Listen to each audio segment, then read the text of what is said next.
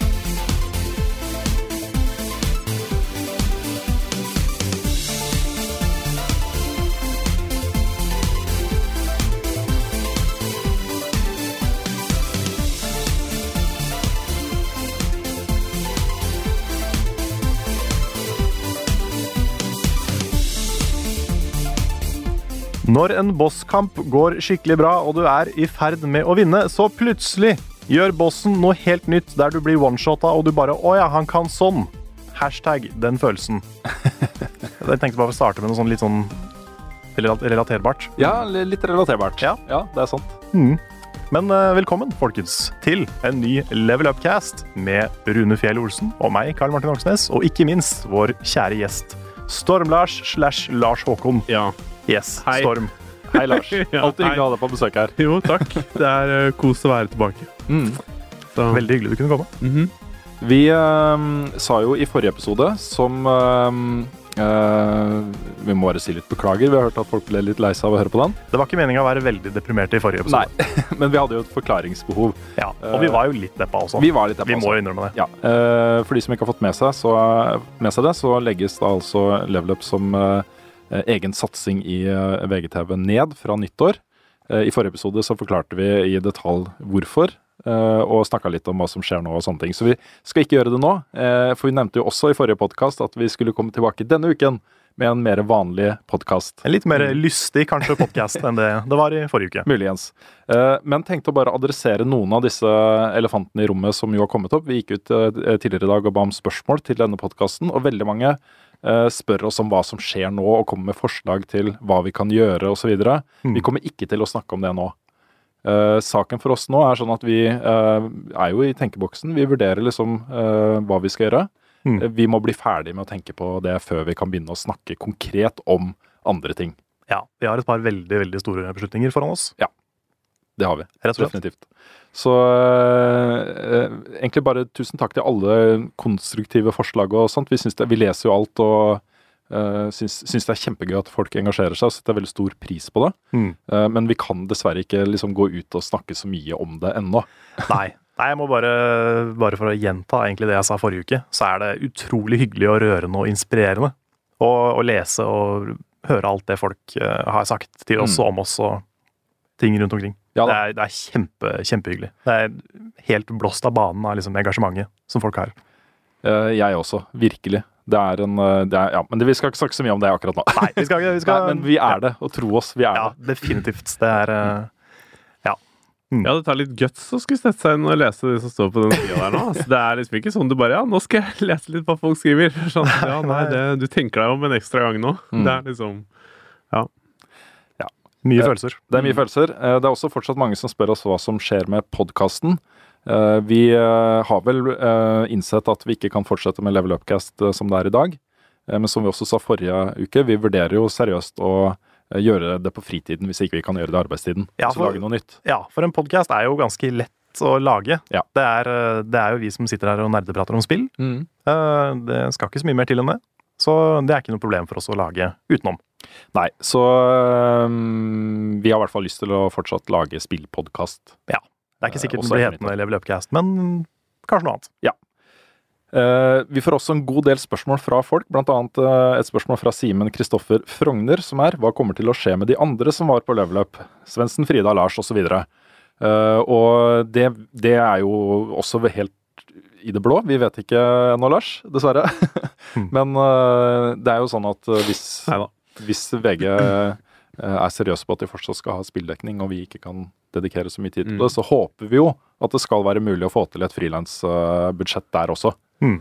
Så um, sånn helt uavhengig av hva som skjer, eh, også sånn som du snakka litt om i din uh, tåredryppende video på kanalen din, Lars. Den veldig fine videoen som Lars lagde på youtube.com slash Lars Akon, er det det? Ja, det stemmer. Mm. Um, ja, altså, jeg lagde den først og fremst fordi jeg bare hadde ekstremt behov for å uttrykke noe. Um, og særlig liksom i forhold til alle tilbakemeldinger som kom, og ikke minst liksom bare si noe om de menneskene jeg er så glad i, og som jeg liksom har stor respekt for. Um, ja.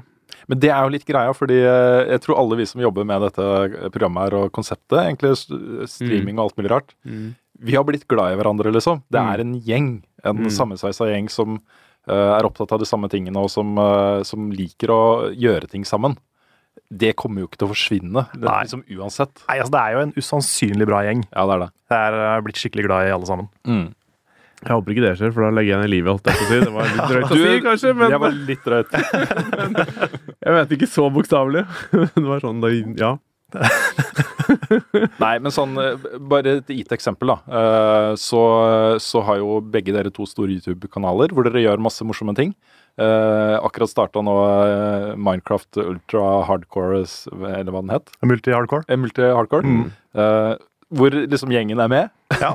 Sånne ting Ja, er er det jo- mulig å gjøre. Over halvparten av Level Up er jo med på den Ikke måten. sant? Pluss en del av mine mer personlige, eller altså mer utenom Level Up-venner. Mm.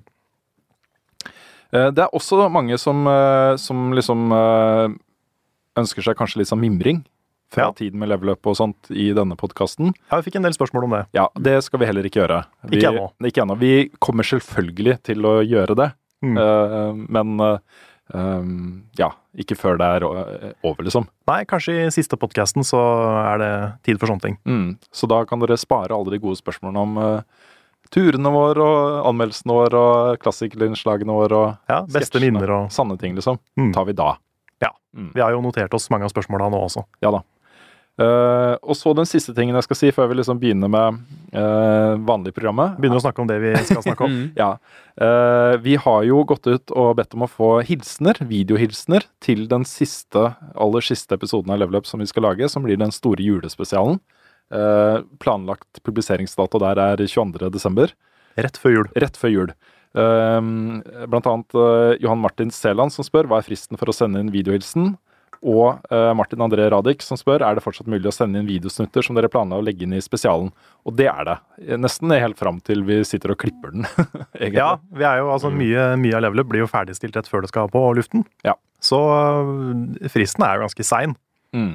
Jeg vil tippe altså, Si for eksempel 20 16.-17. Jeg skulle til å si 20., ja, men, men ja. Ja, for det kan være greit å kanskje klippe den ferdig før uh, Ja, det er sant. Det er sant. man har noe å gjøre der. Uh, tanken er rett og slett bare at vi vet det er mange som har følelser for dette programmet, og ting vi har gjort, liksom. Uh, og uh, vi har lyst til å bare vie litt plass i den spesialen til tilbakemeldinger fra liksom folk vi er glad i, da. Altså seerne våre. eh, alle disse fantastiske seerne våre. Mm. Hadde vært hyggelig å gi dem en stemme i det. Eh, I den episoden. Ja, ja, for det er så mye Det er så mye av Level Up som er folka også. Ja. Det er liksom introvignetten vår, musikken vår, det er laga Level Up-seere, liksom. Mm. Eh, folk vi har et godt forhold til. Yep.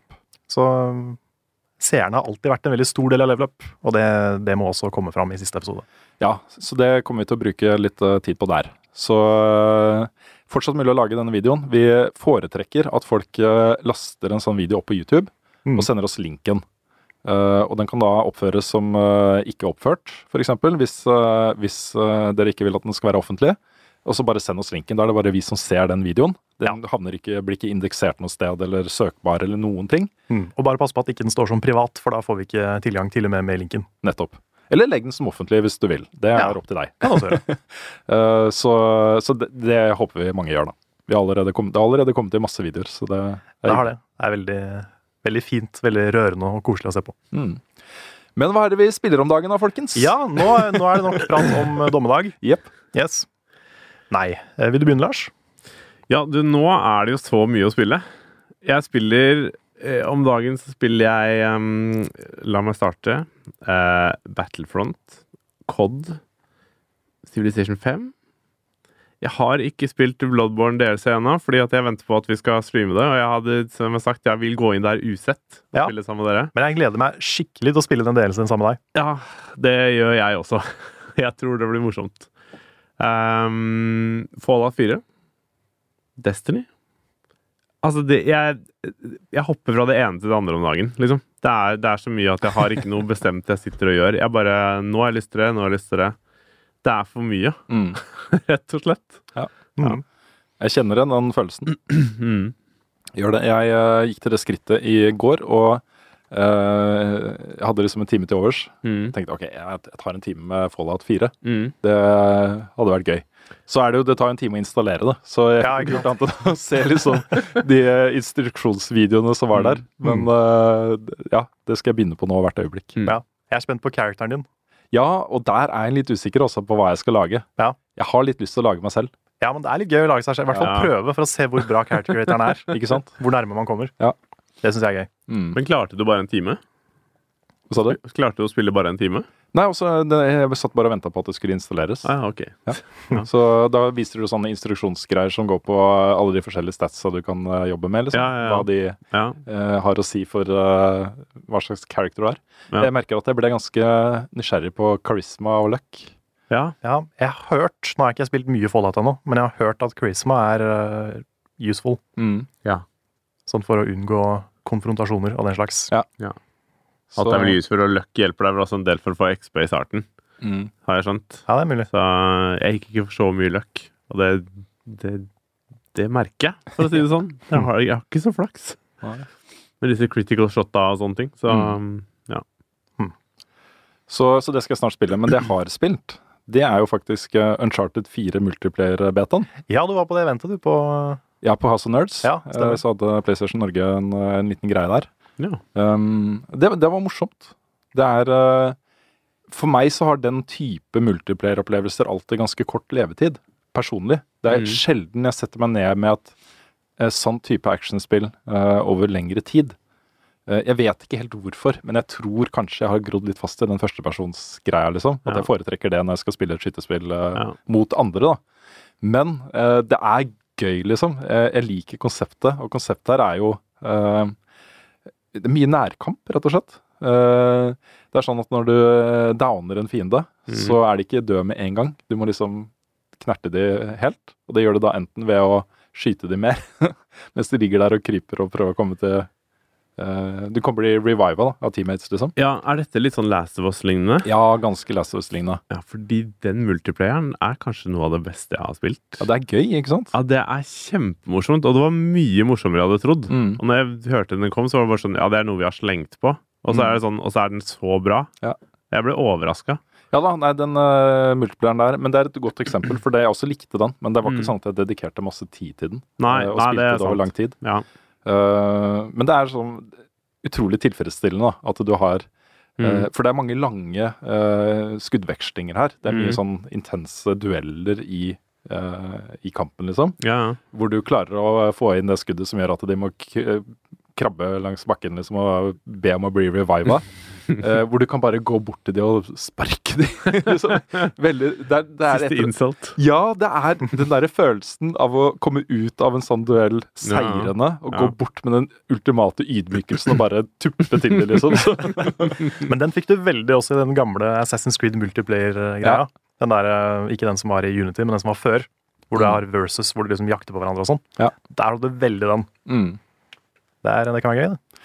Ja, det kan være gøy. Jeg fikk testa ut eh, en god del forskjellige klasser og loadouts og sånne ting. Og det er jo også sånn at du eh, gjennom en enkeltmatch uh, tjener penger til å eh, kjøpe buffs og sånne ting. Mm. Eh, medhjelpere, eksempel. Enten det morsomste var en sånn heavy guy som du kunne kjøpe.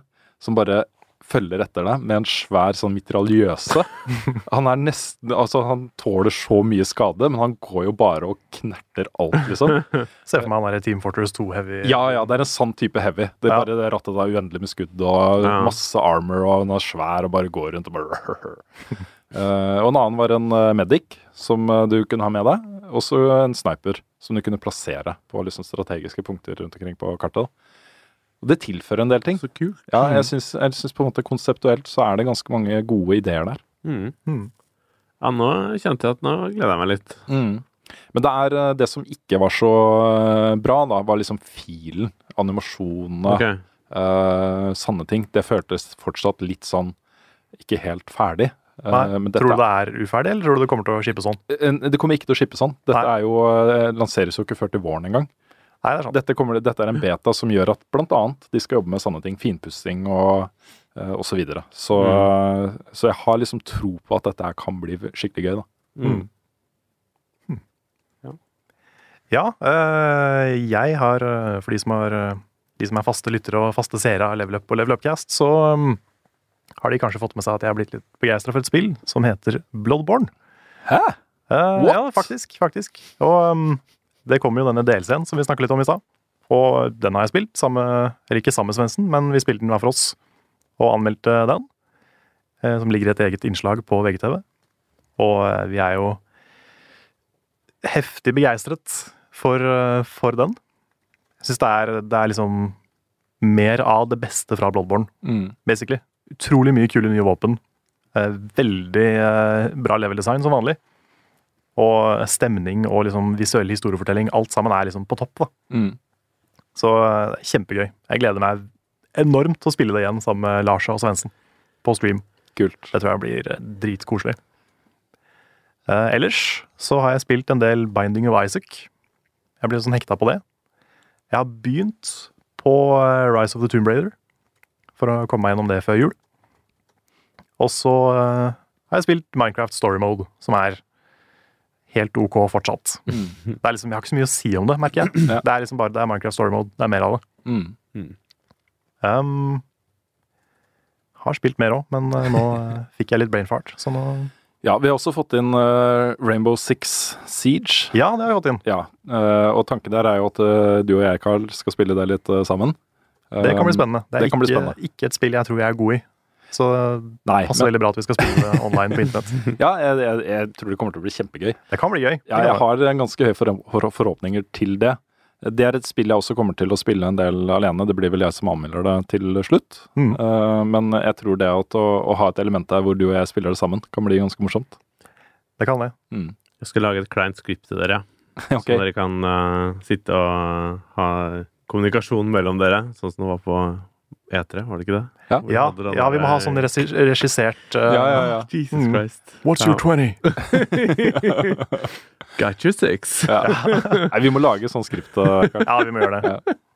Det er, uh, Uff meg. det er Vi har snakka om det før, men herregud, så kleint det er. Ja, det er helt forferdelig. Og det gjør det igjen og igjen og igjen. Mm. Det er, det er så rart. Ja. Det er så gjennomskuelig, liksom. Utrolig rart at de Ja. fortsatte med, med det der. Mm. Det, var, det er en sånn eh, Jeg vet ikke om det er en vandrehistorie eller om det er en eh, sann historie, men eh, det er en eh, historie da, som går liksom sin rundgang på internett. Hvor eh, det er en amerikaner som forteller om eh, hans gebrokkent engelsktalende venn i, et skytespill. som var veldig seriøs liksom hele tiden, og som var sånn Don't worry, friend, I will, I will help you. Sånn hvis han var under ble skutt på av fiender og Mhm. sånne ting, liksom. Mm. Hele tiden veldig sånn seriøs om at uh, dette her var liksom noe de sto sammen om og Ja, ja. We Sånt. started it together, we're going to finish together. Ja. ja. Um, hvor eh, det ender jo med at han plutselig ikke er der lenger. Og, og liksom i den perioden så hadde det utvikla seg et vennskap mellom de to. ikke sant? Eh, hvor eh, de fikk vite litt mer om hvem de var og sånt. Og dette var jo en person som eh, bodde da i en, et land som var i krig. eh, og som plutselig forsvant, liksom. Hvor ble det av han? Som var en ganske sterk lesing, egentlig. Ja, det er han.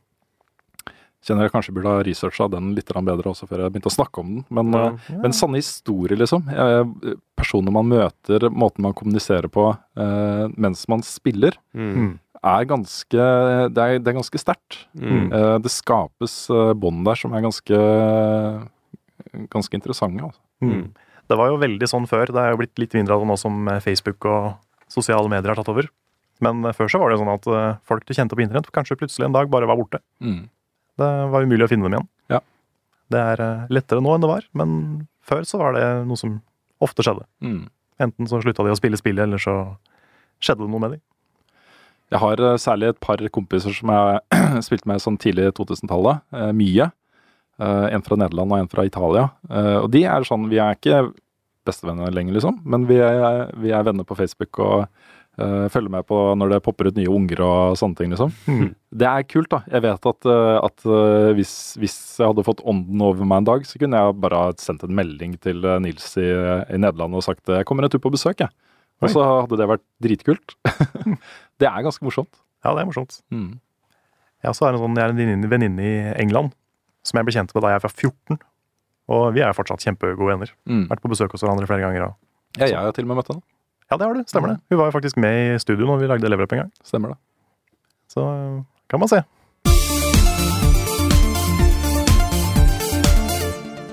Vi skal ta for oss noen aktuelle nyhetssaker, og vi kommer egentlig ikke unna å tute litt i vårt eget horn uh, her heller. Okay. Fordi det skjer ting i norsk spillpresse nå som er uh, verdt å snakke litt om. Det er sant. Ja. Uh, Level Up som egen dedikert satsing legges ned. Uh, nå kommer det jo meldinger om at uh, Pressfire, uh, Dagbladets store spillsatsing, også legges ned. Det er ikke 100 bekrefta ennå, men det ser ut til at det er den veien det går. Mm. Aftenposten la jo ned sin spilldekning da Jon Cato forsvant til Krillbite. Og hva er igjen da, liksom? I offentligheten, i de store riksdekkende mediene. Hvem, hvem er det som skal dekke spill på en skikkelig måte i Norge? Eh, det har kommet en del spørsmål her. Jeg tenkte å ta noen av de først. Et fra vår eh, gode venn eh, Håvard Tørå Olsen. Ja. Han skriver ser at det er dårlige tider for spilljournalismen i Norge. Hva er deres tanker om trenden vi ser i flere store avishus om dagen? Vil det gå på troverdigheten og integriteten løs hvis anmeldelsene overlates til youtubere? Med unntak av Carl, selvfølgelig. Og han mener sikkert deg også, Lars. um, ja, Vi kan jo svare på det litt først, eh, kanskje. Ja. Det er jo litt skummelt å si det høyt, men uh, jeg vet jo at det eksisterer en del ganske hårete uh, avtaler uh, på YouTube som, eh, som man må gå med på for å sikre tidlig tilgang til spill, f.eks. Mm. Eh, jeg vet også at veldig mange youtubere eh, er ganske standhaftige på at de ikke er journalister. At ikke de eh, er under de samme kravene som eh, noen som jobber i VG f.eks. er, til å eh, eh, ha den integriteten og presseetikken som, eh, som vi har, da. eh, må ha. Det er på en måte regler eh, vi lever etter. Mm. Um, Og det handler jo ikke om at de, på en måte er noe, at de tenker egoistisk, eller noe sånt. Det handler jo om at de ikke kan nødvendigvis så mye om, eh, om hvordan presseetikk fungerer. Jeg lærte jo veldig mye da jeg begynte her, av deg. Ja, og så tror jeg også at uh, veldig mange som har YouTube-kanaler, uh, ser på seg selv som mer entertainere enn noen som har et uh, samfunnsansvar, for Ja. å bruke litt sånn, litt sånn stort ord, Mm. som er kanskje litt sånn Jeg vet ikke hva jeg skal kalle det, men litt Ja, nei, men jeg er Ja. veldig enig. jeg, jeg sitter jo ikke hver dag og føler at jeg har et samfunnsansvar. Det er ikke det, det, er ikke det jeg prøver å si. Men, eh, men mediene i seg selv har jo det. Mm. Uh, hvis, du, hvis du liksom tar kjernen i, uh, i mediehus og aviser og, og sånne ting i Norge og andre steder, så er det jo på en måte uh, dette behovet for å ta tak i ting som er vanskelig i samfunnet, f.eks., eller avdekke ting, belyse ting osv. Det samfunnsansvaret er jo ganske viktig. Ja. Jeg, jeg, jeg føler litt at uh, kanskje det skumleste er det at spill uh, kanskje mister litt den der offentlige synligheten Mm. og uh, den troverdigheten som man får ved å bli dekka av store landsmedier, liksom. Mm. Um, jeg tror samtidig at at um, integriteten også kan vokse fram på YouTube. Det har vi sett veldig internasjonalt, sånn som vi har nevnt Jim Sørling før. Eh, også sånne som Matt Lees. Mange, mange flinke journalister som har begynt å bruke YouTube. da. Det er ikke så lett å slå gjennom, men, eh, men det fins stadig flere seriøse, liksom tunge stemmer Mm. som, som klarer å, eh, å karre seg fram på YouTube. Så forhåpentligvis kan det også skje i Norge. Ja, det gjør nok det. Eh, problemet med Norge er at det bor så jævlig få mennesker her. det å på en måte ehm, Og så hadde jeg vært 22 år i dag uh, uten barn og uten boliglån og uten alle de tingene, så er det ikke noe tvil om hvor jeg hadde gått. Uh, fordi jeg hadde hatt den drivkraften til å, å gjøre dette som entusiast og liksom ildsjel. da. Mm. Uh, men på et eller annet tidspunkt så, så er det ikke nok å være ildsjel. Uh, man må begynne å tenke på liksom litt forpliktelser i livet og inntekt og sånne ting. Da. Pensjon til og med må man Mm. begynne å tenke på. Tenker du på det, Karl? Jeg, litt. Ikke sant? Ja, jeg har jo tjent opp pensjonspoeng sånn i ett år nå. Ja. Så det, det kommer seg. Ja. Mm. Uh, så det er på en måte ikke nok å bare ha lyst til å eh, være en sterk stemme i spillmediet. Det er ikke, ikke Norge. Det er ikke nok. Det, det kan vare en stund, men så, så gjør det ikke det lenger. Mm. Så det skaper litt sånn tungt press da, på de få stemmene som kommer til å vokse fram, for det kommer det til å gjøre. Dette at eh, alt legges ned overalt nå, eh, kommer til å eh, skape grobunn for mange flinke folk, altså. Det er jeg helt sikker på. Mm. Men det er Det du, sier om liksom, spillsnakk i offentligheten, er et ganske viktig moment. Og eksempel da spalten til Jon Cato forsvant fra Aftenposten, så var det et skikkelig slag for den offentlige debatten om spill, fordi han var så flink Mm. til å sette spill i perspektiv, gjøre det interessant for folk som eh, kanskje ikke var så opptatt av spill i utgangspunktet, eh, men å bare få liksom spillsnakk inn som en sånn greie eh, som folk kunne snakke om ved frokostbordet og eh, med barna sine om og, og sånne ting. Jeg var på et veldig bra seminar i går, eh, arrangert av Fritt Ord, som har en konkurranse gående nå, eh, hvor de ber om tekster om spill, eller digitale liv, kaller de det. Og så skal man, det skal være spillrelatert, da. Det kan være hva som helst. Det kan være liksom en analyse eller en, et dikt eller whatever. Bare det er noe som uh, forteller noe om hvor mye spill betyr i vår hverdag i dag, da. Uh, og der var det jo massevis av folk, og Jon Cato var på panel, og Jarli fra Pressfire var der, og eh, Marianne fra Sarepta, og Kristine Ask, spillforsker fra Bergen, og Martin Bergersen var ordstyrer. Og I salen så satt det folk fra Medietilsyn og bare vanlige folk, og det satt uh, spillutviklere og alt mulig rart. Altså det var en veldig interessant greie. Og det var jo tema. Hva skjer med eh, spillsnakket i offentligheten nå?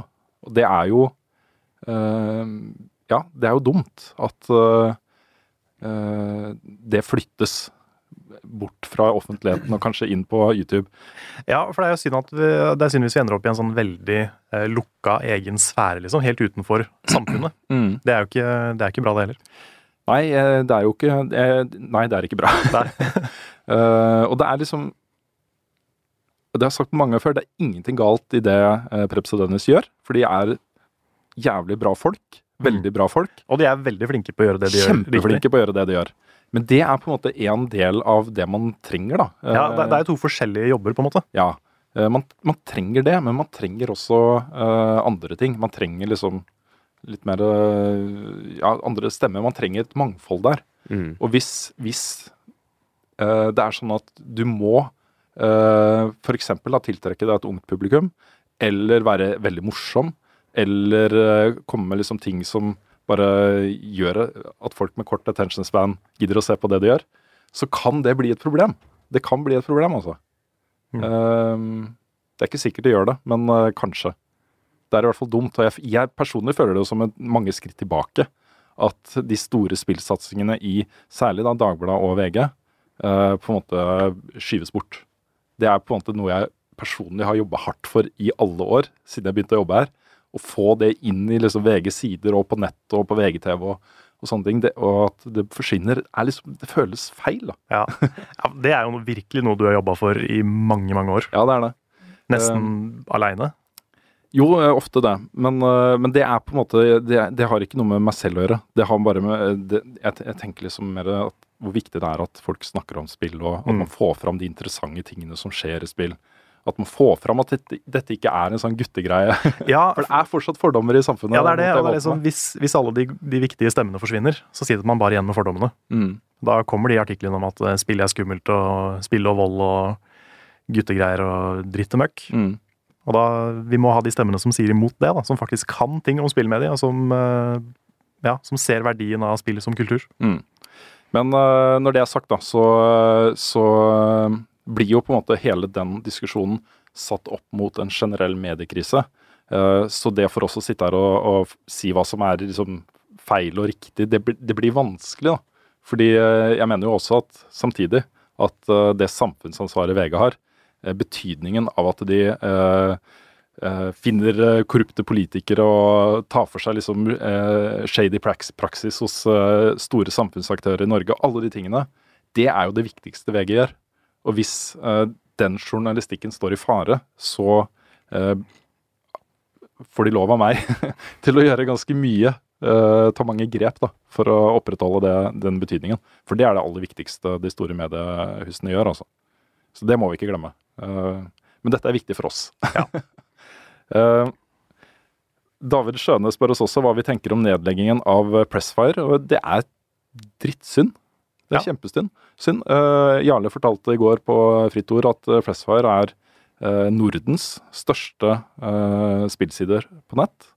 Mm. Det, de er butikk, liksom. De taper ikke penger. De har massevis av inntekter. Hmm. Men de tjener da ikke nok, eller blir definert ut av ja, Dette er vel et sånt spørsmål om grafer som går opp, men ikke så mye opp som de gjerne vil. Jeg vet ikke, jeg også. Men det er, det er veldig synd, og de er jo dritflinke, uh, de som jobber med Pressfire. Jeg kjenner det jo personlig. Og uh, er bare Jeg, jeg syns det er veldig dumt. Mm. Jeg har lest veldig mange gode artikler på Pressfire. Mm. Uh, ja, jeg ser også her eh, sånn som Charlotte, som vi kjenner, Charlotte Ringdal. Mm. Uh, hun spør hva som vil skje med formidlingen av spillkultur. Nå som det er så mye nedskjæring i nettavisene, vi har jo vært inne på det, men mye vil jo bli flytta til uh, andre kanaler, egentlig. Og jeg tror også at altså Det er jo ikke slutt på spilldekninga i verken VG eller på VGTV. Så det kommer jo til å skje ting, men det er den der fokusen da, som kanskje blir flytta andre steder. Mm. Um, og Lars Harald Seltveit Lønning eh, spør. Eh, Aftenposten, dere og nå Dagbladet, hvordan skal dette ende? Heldigvis, heldigvis, skal dere anmelde spill av og til, men en podkast hadde vært toppers å få en oppdatering på ny nyheter. Norske spillere, spill, indiespill og spill som ellers går under radaren på folk flest. Og det er også et moment uh, når man er på en måte betalt av et stort mediehus som ikke har noen eh, kommersielle interesser innenfor spill, eller som ikke trenger spillannonsene for å formidle spill, eh, så kan man jo ta det ansvaret og fortelle om Undertale, ikke sant. Mm. Man trenger ikke bare å anmelde Call of Duty og Assassin's Creed og Fifa og sånt. Man kan trekke fram det som man mener er viktig for uh, spillkulturen og spillmediet. Mm. Ja, for, for, det er jo noe som VG og sikkert også Dagbladet uh, har hatt muligheten til. For driver man et, sånn, en dedikert spillsatsing, så må man kanskje takke ja til en del ting man ikke egentlig er så komfortabel med. Mm. Og eh, vi, i Level Up så har vi jo f.eks. hatt muligheten til å betale for våre egne presseturer. Eh, vi har hatt muligheten til å være uavhengig mm. Eh, av liksom kjipe avtaler som føles begrensende ja. for oss. Ja, og det, det, er kjempeviktig. Vi kan ha latt, latt være å signere på NDA-er som vi mener begrenser oss. Mm. Vi har jo kjøpt våre egne Nintendo-spill i flere år nå, vel. Ja. Det, er, det, er, liksom sånne ting, da. Mm. Vi, vi, trenger ikke å forholde oss til sleipe avtaler. Mm.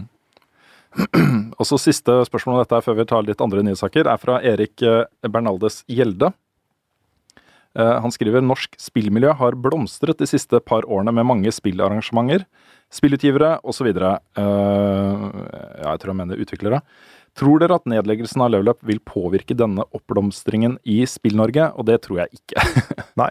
Eh, jeg tror det fortsatt vil være rom for eh, sånne ting, og jeg tror det kommer til å fortsette å vokse uavhengig av eh, hva som skjer i Dagbladet og VG. Og jeg tror også f.eks. at når det er Spillekspo, så kommer VG og Dagbladet til å dekke det. Jeg, jeg, tror på en måte den dekningen av den oppblomstringen fortsatt vil være viktig. Og når Dpad selger ti millioner eksemplarer av Owlboy, så er det et oppslag, liksom, på VG-nett. Ja, ja, of course. det, er jo, det, er jo, en generell nyhet. Ikke sant? Så det, det, det kommer til å fortsatt være tilfellet. Det tror jeg. Men uh, uh, samtidig så føler man seg jo en del av på en måte et voksende spillmiljø når man sitter og gjør dette på heltid. Mm. Uh, ikke at man har liksom samme mål og felles interesser og sånne ting, men, men det har vært deilig f.eks. da jeg stakk opp til Hamar for å lage en reportasje om Hamar Game Collective og kom tilbake med 18 minutter video som vi hadde i episoden, liksom. Mm. Å ha muligheten til å gjøre det eh, var kjempedeilig. Og det var uten at de hadde noen konkrete nyheter å komme med. Det var ikke noe, det var bare en Ja, det var Hva er det som skjer der oppe, liksom? ja, det var et innblikk i hva som liksom er i ferd med å skje med norsk eh, spillindustri. Så, så det er jo på en måte sånne ting som kanskje man mister litt, da. Kanskje. Jeg vet ikke. Mm. Greit. Det er, eh, det er mye som kommer til å skje nå i årene fremover. Jeg, jeg, jeg ser også på dette her som en litt sånn spennende periode. Fordi det oppstår et vakuum nå. Og i vakuum så kan det spire ting som er ganske kule. Det kan det. Så um, For det, det vil jo komme uh, i en eller annen form en ny form for uh, seriøs, tung journalistikk på spill. mm. Um, det som er det store spørsmålet, er hvordan den vil se ut. Hva, Mm. hva som må til for å komme dit. Greit, greit. Vi eh, fortsetter med vanlige nyhetssaker. Among the Sleep er nå ute på PlayStation 4. Ja, Mm. stemmer, stemmer. Det er jo morsomt. Jeg er litt spent på å se hvordan det går. altså. Ja. Det, har det kommet noe Er det noe holdt på å si noe oppgradering, noe nytt content, noe sånt eh, i det? Uh, nei, ikke det jeg har fått med meg. Nei. Det er bare at uh, det Det er er, lansert på PS4. Det er lansert på PS4. Mm. Ja, men så kult. Jeg har litt lyst til å spille igjen, og så eh, um, har litt lyst til å så eh, på et eller annet tidspunkt eh, lage noe på eh, hva i all verden det er med mødrene til de norske spillutviklerne. Ja, det er mye, det er mye sånn mini-spoiler alert, kanskje. Men det er mye dårlige mødre i norske spill. Jeg vet ikke om det er en generell del av liksom den derre eh, Nordic noir-tingen. At uh, man tør å liksom switche litt om på eh, på en måte dramaturgien man er kjent med fra andre deler av krim, f.eks. Um, hvor det jo er uh, kanskje mer vanlig at det er mannlige Ja, kanskje. Jeg vet ikke. Hmm. Men det er interessant i hvert fall. Jeg har lyst til å spille igjen, så Ja, det blir nok å ta en tur innom der. Hmm. Uh, mer Norge. Fjerde kapittel av Drømmefall-kapitler er nå ute. Det er spennende. Ja, Det er kjempespennende, for de har nå gått over til uh, Unity 5. Stemmer. Og hele spillet har blitt oppdatert til Unity 5. Det har visstnok vært et helvete uten like for dem å gjøre det. Men uh... Det ligger en helt fantastisk Det har vært eh, ålreit å eh, følge litt med på det fra sidelinjen, for jeg er venner med Ragnar på Facebook. mm, Uh, og det har jo skint ganske klart gjennom at det har vært en ganske tung prosess. og det ligger en helt fantastisk bra artikkel på Eurogamer om den prosessen også. Uh, hvor, uh, hvor han bl.a. sier at det mange dager har vært vanskelig å stå opp om morgenen for å møte de problemene de har hatt med den konverteringa av alt innholdet sitt til Unity 5. Mm. Så eh, den har sittet langt inne, altså. jeg kan se for meg at det, det må være grusomt. Liksom, du har, for det første så har du deadline på de to siste episodene. Mm. Og på toppen av det skal du konvertere hele driten til en helt ny engine. Det er jo ikke, det er ikke fett. Nei, det er ikke det. Men det er ute nå. Ja, jeg er dritspent på episode fire. Mm. Jeg syns de blir uh, gradvis bedre for hver episode. Så Mm. nå er jeg spent. Jeg har et eh, par nyheter som, eh, som gjorde meg veldig glad inni hele meg. Ja, det sa du i stad. PG har nå lista Shadow Complex Remastered til PC. Yeah. Det betyr at noen har eh, vært innom PG for å få dette aldersmerka. og så har PG satt opp på sine lister. Og dette er jo spill som da ikke er annonsa. Men Shadow Complex er Det er så bra. Ja, for det er en sånn spirituell Metroid eh, Ja, det er Metroidvania-spill Ja. eh, med liksom moderne setting og moderne teknologi og sånne ting. Men det er jo i 2,5D, eh, så den kan jo følge liksom alle de eh, Metroidvania-grepene som ble gjort. Med at man kommer til et område Man får ikke tilgang til et område fordi eh, da trenger man en, en item eller et våpen som man får mye seinere i spillet. Og så må man gå tilbake da, til det området man ikke fikk tilgang til, og så åpner det seg et helt nytt område. Mm. Og så blir det masse sånne ting. Ja. det, er, det er ganske mye av det i Ori and the Blind Forest òg. Mm. Det, det tror jeg du hadde likt ganske godt. Ja da, jeg, det står jo på lista mi, Mm. som jeg skal spille de neste par ukene. Ja, Det er ikke så langt heller. Så. Nei, men uh, Shadow Complex er uh, et kickass-spill. Altså, det er så bra. Har du spilt det, Lars? Det har jeg ikke. Jeg har ikke spilt det heller, men jeg, jeg får lyst nå. Vet du hva, det, Ja, er, det er så bra! Ja. Det er så bra. Når er det fra igjen? Kom ikke det i 2013-2012 eller noe sånt? Nei, før det. øh, før det? det har jo bare vært ute på Xbox Live Arcade uh, på 360. Det er noen år siden nå, altså. Ja, ok. Ja, stemmer det, for du lagde, du lagde klassikerinnslag av det, du. Jeg har jo lagd Ja, jeg tenkte kanskje det var en anmeldelse, men da Makes sense. Mm. Mm. Nei, det er, øh, det er helt nydelig. Det er helt nydelig, det spillet, altså. Eh, Det har sine svakheter, det òg, selvfølgelig, men sånn selve gameplay-opplevelsen naila eh, Super Metroid-filene som Det var eh, åh. Kult. Ja, da får jeg prøve det. ass. Ja, det gleder jeg meg til å spille jo, eh, Høres bra ut. Ja, det er kjempebra. Anbefales. Uh, og så har eh, det kommet en annen eh, potensielt hyggelig nyhet fra Japan. Uh, Capcom har uh, trademarka uh, Onimusha. Og Ja. Det er en ny trademark. Det er ikke en, eh, en sånn eh, greie for eh, de- gamle Onimusha-spillene, men det er et helt nytt eh, trademark. Og eh, det er jo en dritbra serie. En kjempebra serie. Det var litt morsomt å følge Capcoms utvikling fra Resident Evil. Fordi eh, de ga jo først ut Resident Evil, som var liksom iterasjon én av den tredjeperson uh, action-greia. Og så kom Devil May Cry, som var iterasjon to, på en måte. Med mye større bevegelsesfrihet, og det ble liksom tilført mye nytt til det styresettet og mekanikkene. Og så kom Onimusha, som var iterasjon tre. Og det ble liksom mer og mer eh, Hva skal man si sånn moderne, da. eh, For hver iterasjon, på en måte. Og eh, Onimusha-serien er så kul, med samuraier og ninjaer og, og sånne ting. Det er eh, veldig kul serie. Hmm. Så ja, jeg håper den kommer tilbake. Men det kan hende at det bare er en ny pachinko-hall eller maskin. Eller, Det kan hende. Capcom har jo, har jo vist litt Konami-tendenser eh, kanskje de siste åra. De har det. Kansellert mye bra og Mm. Kanskje tatt opp mye ikke fullt så bra. Ja. Samtidig så er liksom Onimusha er en sånn vestlig serie også. Det, Onimusha 3 så ble jo Sean Reno med på manussiden. Uh, og fikk inn litt sånn store europeiske skuespillere, og uh, mye handlinga ble lagt til Europa og sånne ting. Mm. Så den har på en måte røtter, litt røtter i Vesten også. Så hvis de skulle tatt en serie og modernisert den og lagd noe nytt der, så er Onimusha et, en god kandidat. da. Så jeg håper jo at det vil komme et eller annet nytt der. Ja, nå er det jo eh, Det er for så vidt litt dårlig tidspunkt å ha podkasten på, men det er jo Game Awards nå i kveld for oss. Mm. Da i går natt for dere. Det begynner vel klokka tre i natt, så jeg har en eh, vanskelig beslutning å ta der, om jeg skal sitte oppe. um, ikke minst så er det også eh, PlayStation Experience eh, pressekonferanse på lørdag klokka sju. Ja, stemmer. Så um, det skjer jo mye nå. Kanskje det kommer noen spennende nyheter. Ja, det er eh, Det gjør jo alltid det. Det gjør jo det. Det er en tendens til å gjøre det. Mm. Ofte så kommer det da en liten teaser på Game Awards, og så kommer full announcementen på PlayStation Experience. Ja, det kan det. Det var jo faktisk uh, Game Awards, kan si mye om det programmet. Det er jo ofte veldig kleint. Veldig PR. Det er jo sånn du sitter og cringer halvparten av sendinga som regel. Mm. Men det er jo også der uh, f.eks. The Last of Us blir vist for aller første gang. Mm. Så det kommer jo store annonseringer. Det gjør det. Det er spennende. Vi har også fått et spørsmål om det. Jeg skal grave fram det spørsmålet, sånn at vi kan ta det nå med en gang. Uh, så kan dere si noe morsomt mens jeg Oi, jeg vil si noe morsomt, Lars. Nei. Jeg. Jeg, jeg, jeg, jeg fant det. Nei. Jan Kristoffer Fossan spør er det noe, eh, og hvis hva, eh, dere håper blir annonsert på P6 denne helga. Hva er det vi håper blir annonsert der? Jeg håper å få se noe fra Final Fantasy 7-remaken. Jeg tipper vi ikke får se det.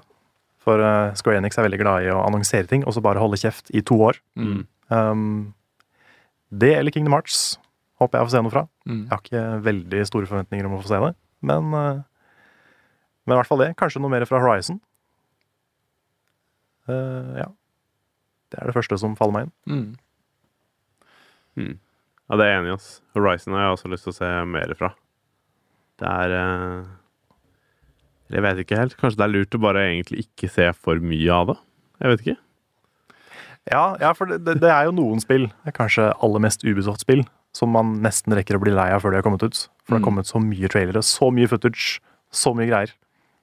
Apropos, så kom jo nettopp den der Batman vs. Superman-traileren, som spoila hele filmen. Ja, den vil jeg ikke se engang. Nei, ikke se den. Det, jeg angrer på at jeg så den. Ja.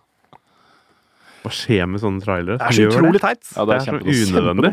Star Wars har vært flinke, men uh, den her var ikke Det var altfor mye. Men det er en god grunn til å ikke se trailere, da. Mm. For at man vet jo aldri hva man får. Jeg, gjør jo, jeg ser jo ikke trailere. Jeg har ikke sett Star Wars-traileren heller. Nei. Jeg vil ikke se den. Den, er ikke så spoilery. Nei, men det har ikke noe å si. Nei, Jeg vil ikke se den. Nei. Det hjelper ikke at du sier det. Karl. nei, nei jeg skjønner. Men uh, til dere som ikke vil vite alt som skjer i Batman vs. Superman, så uh, ikke se den traileren som har kommet nå. Mm. Og i den gata da, eh, så har jeg ikke noe stort behov for å se noe fra verken Horizon eller The Last Guardian eller noen av de tingene, eller No Man's Sky for den saks skyld, Mm. eh, som vi kjenner litt fra før. Jeg, jeg vil ikke vite så mye mer om de nå. Jeg vet Nei. nok til å vite at dette er spill jeg har lyst til å spille. Ja, ja. Og så får eh, det så mye som mulig være en hyggelig overraskelse. Mm. Så det jeg håper mest på, er jo å, å få nye announcements uh, på ting de har tenkt å gjøre i framtida. Um, og så må jeg jo eh, innrømme og si at eh, alle som spiller Destiny om dagen, eh, vet, ingen som vet hva som skjer der. Nei, De det er ikke annonsa en dritt for neste år. Det er sant. Første expansion i fjor kom jo rundt nå. Ja. Så rent personlig så er det jo det jeg håper mest å se. Mm. Hva er en ny announcement der. Kan også legge til at jeg håper de annonserer eh, PS2 backwards compatibility offisielt, med en del spill. Det går jo sterke rykter om det, at Ja. det kommer. Det håper jeg veldig. Mm. For jeg har mye PS2-spill jeg gjerne vil eh, gjenoppleve uten å måtte koble til mye greier. Mm. Nei, sånn som jeg har forstått det, eh, ut fra de uh, off the record-rapportene som har kommet, så er det teknisk mulig å få det til. Ja, det vil jeg tro. Ved hjelp av emulering. Ja. Så, så de bør jo bare gjøre det. det hadde vært veldig deilig. Det hadde vært kjempe, kjempeålreit. PS3 er vel verre, tror jeg, å få Mm. til å funke. Ja, det, Hvis den, ikke umulig. den er jo på en måte innlagt under den eh, PlayStation Now-tjenesten som de eh, fortsatt jobber med. Ja, altså den, den kom ut i sånn prøveperiode, tror jeg, i USA, Ja. og kosta altfor, altfor mye. Mm. Så den floppa vel ganske hardt da. Ja, i hvert fall så har det ikke vært noe snakk om den etterpå. Så Nei. hva som skjer der, det vet jeg ikke. Men uh, det er jo en ganske seig båt å selge. Eh, streaming av eh, gamle spill, liksom. Ja. Mm. Det er et veldig kult konsept som jeg gjerne vil at skal funke. I en eller annen form. Mm. Men det må være mye billigere og mye bedre enn det var. Ja, sånn apropos streaming, jeg gleder meg til å se hva denne PlayStation-appen gjør med streame spill til PC. Ja, for Det er skal, jeg litt spent på. ja, nå skal det komme muligheten til å remote-spille PlayStation 4 fra PC og Mac. Det Ja. er ganske interessant. Ja, og de har ja. Offisielt? ja. og det, det bare en er offisielt. helt? Nei da, det er offisielt. Det kommer Det- en offisiell greie. Jeg trodde det var en som, noen som hadde laga en Ja, sånn det er det. Og det har fått PlayStation til å bare liksom hoppe på Nå må vi liksom ah, ja. gjøre noe. Det er Så- kult at du tar den vendingen. vendingen. Så jeg gleder meg til, eh, til det, altså. Mm. Det åpner for mye, mye ting. Slipper man liksom eh, Hva heter det for noe? Sånne bokser for å ta opp ting nå, liksom. Kanskje. Kanskje. For i teorien så vil man da kunne sitte med OBS for eksempel og mm. rekorde PlayStation 4. Mm. Så jeg er veldig spent på kvaliteten og hvordan, eh, hvordan det blir. Hvordan det Mm. føles. Ja. Jeg syns jo Remote Play, det lille jeg har brukt Remote Play på Vita, har jo funka veldig bra. Mm. Satt, jeg husker jeg satt hjemme i, i Tønsberg og spilte PS4 mens jeg var hjemme i jula i fjor. Mm. Det funka fint, det. Det har kommet inn massevis av eh, spørsmål som ikke handler om eh, krise i eh, Spill-Norge og nedleggelse og sånne ting også. Ok, Ja. så bra. Så, så da har vi mange ting å snakke om. Ja. Fyr løs. Starte med spørsmål som vi for så vidt har svart på før, men det kan hende at det er noen som ikke husker det, eller noen som ikke har hørt akkurat den episoden. Eh, Det er fra Glenn Ove Hettevik Dalsvåg. Hvilket Zelda-spill er favoritten deres, og hvorfor? Ja, Det er litt som å velge mellom babyene sine. ja det er det. Det, er så, det, det skifter så mye. Mm. Jeg tror fortsatt jeg ligger på Majora's Mask. Mest pga. Liksom stemningen og hvor annerledes det var. Mm. Jeg ligger nok fortsatt på Windwaker.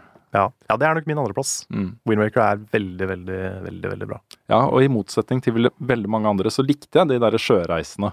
Jeg syns de var eh, Ok, de tok kanskje litt lang tid av og til, men jeg likte den pausen. Jeg likte det rommet som det ga i det spillet. Eh, at man eh, var liksom til sjøs, og man kunne liksom bare kose seg. Selv om det var liksom Det var ikke så mye å finne på, da, men etter hvert så kom disse skattejaktene og skattekartene og ting du kunne søke etter. og Ja, Mm. Jeg syns den HD-remaken gjorde veldig mye for å gjøre det enda bedre. Ja. Da fikk du kjappere seiling, og du fikk en litt mer sånn streamlined eh, Triforce Quest på slutten. Mm. det, det hjalp veldig. Så likte jeg bare så utrolig godt at, uh, at det var, du hadde den verden under havet. Jeg syns hele den greia Ja. var så Jeg skulle veldig ønske du kunne utforske mer av den. Ja. For det var så kult når du kom ned der og Mm. så den der gigantiske Hyrule som lå under. Jepp. Det var, det var kjempekult. Mm. Det er det eneste spillet jeg har, uh, har spilt litt av. Uh, Windwaker. Jeg, jeg har aldri vært noe særlig inne i Zelda-serien. Men problemet mitt er at jeg krangler med kontrollsystemet i det spillet. Jeg klarer ikke Det er, det er ikke inverta kontrollsystem der, og for meg så er det et problem. På remastered-versjonen av Wind- Wind Waker så er det vel det. Det kan Nei. du bestemme. Kan det, kan Den, ikke det? den som eh, hvis Men du ikke, kan- Er det ikke den jeg spiller, da? Den som Jo. er på, på VU? Stemmer. Du kan, der- du kan bruke gyroen. Det funker faktisk ganske bra. Ja, det har jeg også prøvd, og det krangler jeg også med. Jo, Det, det? er et sånt kontrollsystem der jeg klarer ikke å venne meg til det. Um, for Jeg husker jeg, tror jeg har spurt deg om dette her før. Ja. Uh, og da satt jeg og prøvde med det og skulle liksom bruke den til å, um, til å gjøre det, men allikevel så sleit jeg med det. Og det Når jeg skal reagere fort, så er, sier instinktet mitt liksom én ting, og så skjer det noe helt annet på skjermen enn det jeg tror jeg gjør, og da um, Ja. Jeg skjønner bare ikke hvorfor. Ja, det er et sånn type spill eh, som eh, man, uh, man Man må gi det litt tid. Mm. Man må venne seg til at eh, når du drar eh, spaka til venstre, så ser du til høyre. Eller også, jeg husker ikke akkurat hva som er. Ja, ja, for det er det også. Det er sånn der at liksom, du kan se til venstre, men da ser du til høyre. Ja. Og det er også sånne ting som jeg bare Det har de, men ikke liksom andre veien. Du må dedikere deg til det. Ja, ja, men jeg har dedikert meg mye. Jeg har jo spilt i sånn seks-sju timer. Så jeg har jo virkelig liksom uh, krangla meg gjennom uh, en del der. Og jeg har begynt å liksom like det. Uh, så det er jo ikke det at jeg ikke har noe entusiasme for det, men allikevel så Du kan spille det på hodet, eller via et speil. Ja. Ja, kanskje uh, eh, ja, kanskje vi skal snu kontrollen opp ned. Da vil jo Ja. Mm. Ja, det er Men- et godt poeng.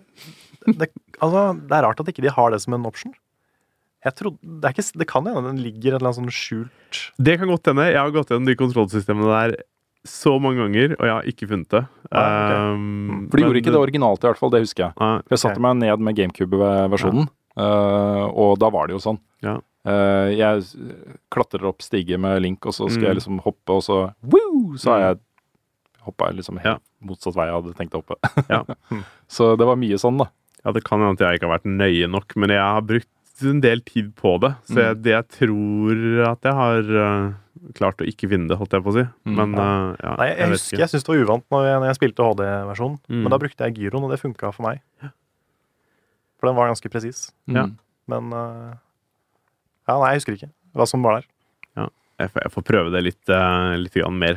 Det er sånn uh, det, Til sånn jula og sånt, så tenker jeg faktisk at jeg skal uh, fortsette litt på det. Fordi da er det sånn tid hvor man liksom Hvor jeg koser meg med sånne spill, da. Mm. Ja, men Selda er julespill Ja. for meg òg. Ja. Og det har jo kommet et spørsmål om det, folkens. Ja, vi det skal har det. snakke om det okay. seinere. Ja, så bra. Ja, men eh, da har vi to, har vi to spørsmål i ett. Så stryker vi akkurat de siste setningene fra protokollen, og så snakker vi mer om Ja, det. ok, ok. Vi later som ikke det skjedde. Eh, vi har fått et spørsmål fra Atle, Atle Mjølhus. Han spør kan Rune få et ekstra liv i Minecraft multi-hardcore. Nybegynnere burde hatt flere liv. Ja, det, var, det er faktisk eh, Jeg hadde veldig lyst til å gi både egentlig Bjørn og deg et liv til. Ja. For det er så gøy å ha dere med, Mm. men dere dør jo med en gang. Så um, det er alltid litt sånn trist. Det er, det er jo morsomt at Bjørn alltid dør først. Det har blitt Mm. en sånn der, Han er Bent Leikvoll fra Nissene på låven, liksom. um, Men da bør han ikke stå ute aleine midt på natta. Nei, det er jo hans egen skyld. Ja. 100% Han er jo utrolig uforsiktig. Ja. Men uh, Altså uh, Jeg hadde veldig, veldig lyst til å gi det et liv til. Det er liksom Spenningen i serien forsvinner litt da når man begynner å gjøre sånt. Ja. Men uh, jeg hadde veldig lyst. Vi satt jo og diskuterte det en god stund. Ja, vi gjorde jo det. Sånn, skal vi, skal vi gi at eh, du sjanse? forsvant. Ja. Så, og liksom jeg har så dårlig episode. samvittighet for den deathen der. Ja, for det var din feil, egentlig. altså, Nei, ikke det var- det var ikke sånn, min feil, men, men men det som sånn- skjedde da, rent faktisk, var jo at uh, jeg så du gikk ut. Mm, eh, Jeg fulgte etter deg. mm. Jeg så det var en creeper der, men du reagerte ikke på at den creeperen var der, så tenkte jeg da trenger ikke jeg gjøre det heller. og så gikk jo ikke det så bra, da. Nei, altså Men det er Det er så utrolig altså, at det bare skjer sånn. Jeg Ja, nei. Og så er det jo sjelden man blir one-shot av creepers også. Men det var jo helt tidlig. Du hadde ikke noe armor på deg. Nei, jeg er Eh, det- det er jo- bokstavelig talt naken. Du var jo faktisk helt naken. Ja, det er sant. Mm. Ja, nei. nei, det var um, Det var grusomt. Når det skjedde, så bare følte jeg liksom at nå dette, Jeg følte at det var min skyld i starten, men sånn, det er jo egentlig ikke det. Men Jeg tror du gikk bort og tok et sånn tappert liksom, slag med handa på creeperen en gang. Ja, kanskje jeg gjorde det. Jeg tror det var det du gjorde, og da var du så nærme at du daua. Ah, ok. Så det er, eh, hvis du hadde knocka han litt lenger tilbake Mm. og rygga litt, så hadde du nok overlevd. Ok, greit. Ja. Det var en veldig ny opplevelse for meg der, Ja. å spille Minecraft i det hele tatt. Hva man kan gjøre og ikke gjøre, og fall damage og alle de tingene. Jeg, vet jo ingenting om det. Jeg vet ikke hvordan man crafter, jeg vet ikke noe, Nei, liksom. Jeg tror inventoret ditt var noe sånn her, to pinner og en button. og sånt, så det, var jo, det var jo kjempegøy å ha deg med. Ja, Så jeg håper jo du blir med en gang. På, ja, jeg blir gjerne med igjen. Ja, det er kult. Eh, skal vi se Jon Ja, den kan vi ta senere. Eh, dette er et spørsmål vi for så vidt kan ta. Det er fra Martin Rotmo. Hva er grunnen til at videosendingene ble så brått kuttet? Det er fra nyttår at programmet legges ned. Budsjettet for i år er vel det samme, eller? Uh, han har et spørsmål til. Det kan vi ta etterpå. Men uh, svaret på det er rett og slett uh, todelt. Eh, det ene er at vi syns det ble litt vanskelig eh, å lage de ep ukentlige episodene. Ja. Eh, litt tungt, egentlig. Tyngre enn å sette seg ned og lage en podkast. Mm. Eh, Men det andre også var jo at vi, vi eh, så jo også gjennom hele høsten eh, at det å legge sjela si ned i et timeslangt program, og så liksom få et halvt døgn, et døgn på front, og ganske få visninger, var litt demotiverende. Mm. Men det, da oppdaga vi samtidig at enkeltinnslag kunne få ganske god fronting og god trafikk. Ja, ja, for det, det er liksom Når vi har en episode med stæsj, blant annet mange gode anmeldelser, så får vi null tid på front, nesten. Men ett innslag får mer. Jeg vet Ja. ikke hvorfor det er sånn, men det er sånn de fungerer. Nei, også rent faktisk så ble det jo sånn at vi kunne ha f.eks. tre anmeldelser. eh, alle med godt frontpotensial. Uh, og så ble en av de anmeldelsene fronta, eh, og så forsvant level up fra front. Mm. Så da ble ikke de to, de to andre fikk ikke noe visninger på front. Nei, men jeg syns også enkeltinnslaget har fått bedre fronting enn episodene. Nettopp. De har fått veldig god fronting. Eh, og flere av dine innslag, Lars, har jo sånn som Call of Duty er jo over 30 000 og, Mm. uh, og sånt. Så sånn enkeltinnslagene har gått bra, nå. Mm. Uh, så vi ville egentlig se litt på det også. Vi ville se For det handler litt om, om neste år for oss. eh, hvor, hvor det er det vi skal gjøre. I Mm. den grad vi får lage anmeldelser, så blir det enkeltanmeldelser, ikke sant? Ikke et helt program. Mm. Eh, det er greit å få litt, litt inntrykk av hva slags vinklinger som funker på front, hvor mye trafikk de kan få, den type ting, da. Mm. Så Så er det jo også litt det at vi har, eh, vi har jo vært i en del møter og en del samtaler som har tatt mye tid. Ja. Eh, Vi har også lagt en del planer for den siste episoden mm, som vi har lyst til å ta oss god tid med å lage. Ja. Eh, og i tillegg da så har vi jo ofte et par uker eh, pause før den siste episoden for å kåre årets spill. Ja. Så det er jo en del forskjellige grunner. Så alt dette kombinert eh, ble eh, Da ble det sånn. Ja. Men det andre spørsmålet hans er Har dere et spesielt spill dere må spille i juletiden? Ja. Um, Pussig at du skulle nevne det. ja, det er Zelda. Windwaker. Ja. Og diverse. Oh, ja, sier du det? Ja, det skulle kanskje ikke tro det, men Ja. Ja, nei, Zelda er veldig julespill for meg. Mm. Jeg, jeg hadde jo noen sånne før, men det var jo på den tiden hvor eh, den type serier kom hver jul, liksom. Da kom det et nytt Tomb Raider. Så det var i mange år så spilte jeg jo den nye Tomb Raider eh, ofte sammen med søstera mi. Mm. Og det ble et sånn julespill for meg, da. Eh, Jeg har ingen sanne lenger. Så jula nå brukes mest til å liksom lade litt batterier og kanskje gjøre andre ting enn det man gjør på jobb hver dag. Lese bøker hvis jeg orker, og se litt filmer som jeg har gått glipp av, og TV-serier og, og sånne ting. Mm. Eh, I den grad jeg spiller, så blir det liksom å kanskje gå tilbake til spill som jeg ikke har fått fullført. Eh, kanskje hente opp igjen et spill som jeg ikke har fått spilt i det hele tatt, men som jeg har veldig lyst til å spille. Mm. Eh, så, så da blir jeg mer en sånn privatperson, da. Mm. Som disponerer tida mi både på dagen i noen tilfeller, men i hvert fall på kvelden, til å gjøre bare ting jeg har lyst til å gjøre. Mm. Og det er så deilig å kjenne på den følelsen. Ja, og det, det er jeg enig i, ass. Det der med å, å sitte og game bare for deg selv, Mm. og ikke tenke på at dette her skal ut på YouTube eller er jobbrelatert eller sånne type ting. Mm. Det er eh, Det gjør gamingopplevelsen veldig annerledes. Mm. Og jeg Ja. tror det Selv om det liksom for mange kan virke som en drøm å jobbe med spill, og det er det jo også, men det, man blir jo allikevel litt sånn Man trenger den privattiden, da, til å liksom uh, Dette er min tid, mitt spill, her kan jeg kose meg og gjøre, meg, gjøre akkurat det jeg vil, liksom. Mm. Ja, for, for det er du, det er sant, det, for du får ikke helt den der eh, den meditasjonsgaminga, Ja, på en måte, eh, ja. når du jobber med enten en anmeldelse eller YouTube eller noe Ja, sånt. for da sitter du jo og tenker over masse ting hele tiden. Liksom. Du hele tiden jobber med, med, det, med det materialet du sitter med, liksom. Mm. Da er du på, du jobber med noe, Ja. på en måte. Mm. Ja, det er sant. Kanskje spesielt når du lager eh, en Let's Play, for da må du jo liksom fokusere på å prøve å være underholdende samtidig. Mm. Så det er noe eget med å bare sitte og spille for kosen. Ja. Mm. Jeg så f.eks. at uh, sesong to av Fargo er ute nå. som er en serie som jeg ikke har fått tid til å se på. Altså, jeg har sett sesong én, som er kanonbra. Uh, og jeg har hørt at sesong to er minst like bra. Etter at du det, sa at jeg må se den, mm. så har jeg binge-watcha hele greia. Ja, sesong Både sesong én og to. Ja. Ikke sant og... det er bra? Dæven, altså. Jeg ble Altså, jeg elsket jo filmen. Mm. Og den serien er jo akkurat like bra. Ja. Hvis ikke, hvis ikke, bedre. Ja, for de får liksom De, får, eh, de, får, eh, de dveler mye ja. mer ved de forskjellige rollefigurene. Ja. Og ved at de gjør det, så, så, blir på en måte alt det rare som Fargo hadde, filmen hadde, ja. blir liksom enda litt rarere. Ja.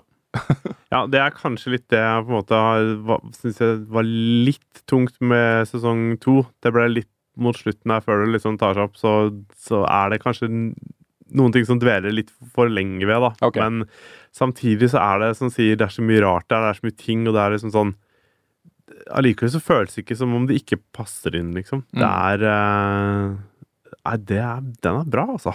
Den, jeg, jeg, gleder meg til å se sesong ja. to der. Akkurat nå så eh, jeg, Det hender jo av og til at jeg får med kona på å se TV-serier. Mm. Eh, og det syns jeg er veldig hyggelig. At vi kan liksom se på noe og like det begge to. Mm. Så akkurat nå har det vært Broen, eh, og det er Homeland, og så har vi begynt å se Jessica Jones, som for øvrig også er dritbra. Ja, den er helt konge. Jeg har sett alt nå. Ja, den er kjempebra. Vi har kommet tre episoder ut i den eller noe sånt. Ja, ok, ja. Så, uh, så vi må få ferdig i hvert fall Homeland og Jessica Jones. Mm. Broen er ferdig. Mm. Uh, så neste på lista der er, uh, er Fargo. Mm. Men jeg tipper det er en sånn fin ting å gjøre i jula. det er det, ass. Mm. mm. Ja, Jessica Jones er definitivt uh, noe av det beste jeg har sett på lenge. Det er kjempebra. Og så tenkte jeg ikke så mye over det før, for jeg visste ikke så mye om serien fra før. jeg kjente ikke til Eh, henne som superhelt i Marvel-universet. Jeg hadde ikke vært borti henne før. Eh. Men har det vært så veldig kjent? Si? Hun, har jo hatt to, hun har to store storylines uh, i grafiske romaner uh, ja. før, da. Uh, hvor hun har vært litt inn og ut av Adventures og sånne ting. Mm. Men TV-serien i seg selv Jeg tenkte ikke så mye over det, men jeg så noen på Twitter nevne at det var befriende med en TV-serie hvor alle de sterke personlighetene var kvinner, eh, og alle mennene var enten slemme eller eye candy. ja. Eh, og, og kommentaren liksom sånn Å ja, det er sånn det føles. Det var en mann da som skrev dette her. Mm. Uh, det syns jeg var litt interessant. Mm. Og så er det også sånn, kvinnelig manusforfatter, kvinnelig regissør. Mm. Alle de tingene. Ja, det er, det er litt samme tendensen i Orange is New Black. Ja, Der er liksom alle mennene enten, enten pene eller fæle. Ja. ja, det er sant. og da skikkelig fæle, liksom. Ikke sant? Nei, jeg, jeg, Det var litt morsomt, for jeg tenkte ikke på det perspektivet mens jeg så uh, de episodene. Uh, det er bare drivende bra TV, liksom. Mm. Så Jeg syns uh, bad guyen er helt fantastisk i den serien. Ja, han er jo det. Ja. Og, og, det han kan gjøre. Også, mm. Det er jo David Tennant. Ja. han kan, han kan ta mind control. Han kan få folk til å gjøre de ting de ikke har lyst til å gjøre. Og bare be dem om å gjøre ting, så gjør de det. Mm. Og måten han bruker den kraften på, er jo bare så fucked up. Ja. Mm. Det er så creepy og så ja, ekkel. Han er sånn genuint ekkel, ja. og litt for ekte, nesten. Ja, det, sånn, det, det, blir litt sånn ordentlig guffent. Ja. Mm. Så ja, nei, den serien liker jeg. mm. Ja, den er kul. Mm. Uh, Øyvind Noste har et veldig bra spørsmål til oss. Om dere kunne ha spilt gjennom et spill sammen med en eller flere av de som lagde det, hvilket spill skulle det ha vært, og sammen med hvem? Hmm. Det er et vanskelig spørsmål, men et veldig godt spørsmål. Ja, veldig eh, spennende spørsmål. Ja, for, eh, for, å snakke litt rundt det først, da. Eh, så er det jo mer interessant å spille det, sammen med utviklerne hvis, hvis, det, hvis du enten føler noe veldig personlig for det spillet, eller hvis det er tem tematikk og hendelser i spillet som du syns er liksom interessante, da. Mm. Og som kommer fra en skaper. Noe som er liksom Som har litt betydning. Mm. Um, så jeg ville heller ha spilt et spill som Brothers eller uh, The Last of Us uh, enn et spill som Uncharted. Mm. Uh, for Uncharted føler jeg hadde vært mer sånn gameplay-fokusert, kanskje. Mm. Ja, liksom This is a cool action scene. We, we, we, we ja. spent three months doing this. Ikke Det blir sånn Ja, hvordan uh, researcha de Nepal liksom, i Uncharted mm. 2? Også sånne ja. ting, da. Mens med uh, Brothers, eksempel, så kunne jeg ha spurt Fares masse om liksom, hvor kommer dette fra? Uh, hvorfor, hvorfor, vil du fucke meg på den måten her, liksom? Mm. Eh, det hadde vært mer interessant. Mm. Og jeg tror nok det er ikke noen bombe for folk, for min del. Uh, Metal Gear Solid 3 Hideo Kojima. Ja. Jeg, jeg har egentlig tre svar, hvis jeg får lov. det er lov. Er det lov? Dette er vår podkast. Ja, ja men så bra. um, Vi kan jo ta en avstemning først, da. Jeg stemmer for at det er lov. Ja, Lars, hva sier du? Ja, det er greit. Ja, okay, så det er greit. Da er det enstemmig. Ja. Mm. Ja, uh, for meg så hadde det vært enten Undertale med Toby Fox. uh, bare fordi jeg har så mange spørsmål om hvordan den mannen tenker, og hva han, hva han har lagt inn i alt sammen, liksom. Mm. Um, eller Earthbound med Shigesato Itoi. Uh, av uh, åpenbare grunner, for de som har spilt Earthbound. Mm. For det, det er så mye rart, og det er så mye Det er så mye morsomme, rare virkelighetsbetraktninger. Og de får liksom mørke, messed up delene som eh, stikker ut. Eh, der er veldig mye jeg gjerne skulle snakka med utvikleren om. Eller så vil jeg sitte sammen med Edmund Macmillan og spilt Binding of Isaac. Mm. Bare for å få han til å forklare alle de rare fucked up delene av det spillet. Ja. På en sånn Det det er så sånn fascinerende messed up, hele det spillet. Mm. Så det Det har vært kult å sitte liksom ved siden av han. Ja. Spilt det sammen med han. Og bare Hva er uh, the significance? Mm. Mm. Har du rukket å tenke noe konkret, eh, Lars? Nei, altså, jeg, jeg føler liksom på en måte at uh, jeg, jeg ville hatt veldig sånn kjedelig svar. Uh, men altså, det er jo ehm, Jeg tror faktisk liksom Life is Strange ville, ville vært en av de. eh, og eventuelt Last of Us. Fordi at det er eh, eh, bra historier der, som jeg på en måte eh, vil, vil spørre om. Og det er jo Er det lov å spoile ting fra Last of Us nå? Jeg vet ikke. Nei, Det er så altså, vanskelig. Ja, den er vanskelig. vanskelig. Det er i hvert fall en av de ting- store spoilerne kommer liksom etter 20 minutter med spillet, men det er jo veldig dumt hvis noen får den spoileren før de spiller. Ja. Altså, uansett, det er i hvert fall en scene der med hun Ellie, som er hoved, eh, en av hovedrollene. Og, og på en måte Altså, når hun krangler med han derre som spilles av David, som spilles av Northern North, så er det på en måte en scene som Det er så mye følelser og ting der. Ehm, og det Ja, der er det ting jeg på en måte ville ha snakka med, de- med de om. Mm. Jeg skal, jeg skal ikke spoile noe mer hva som skjer, men uh...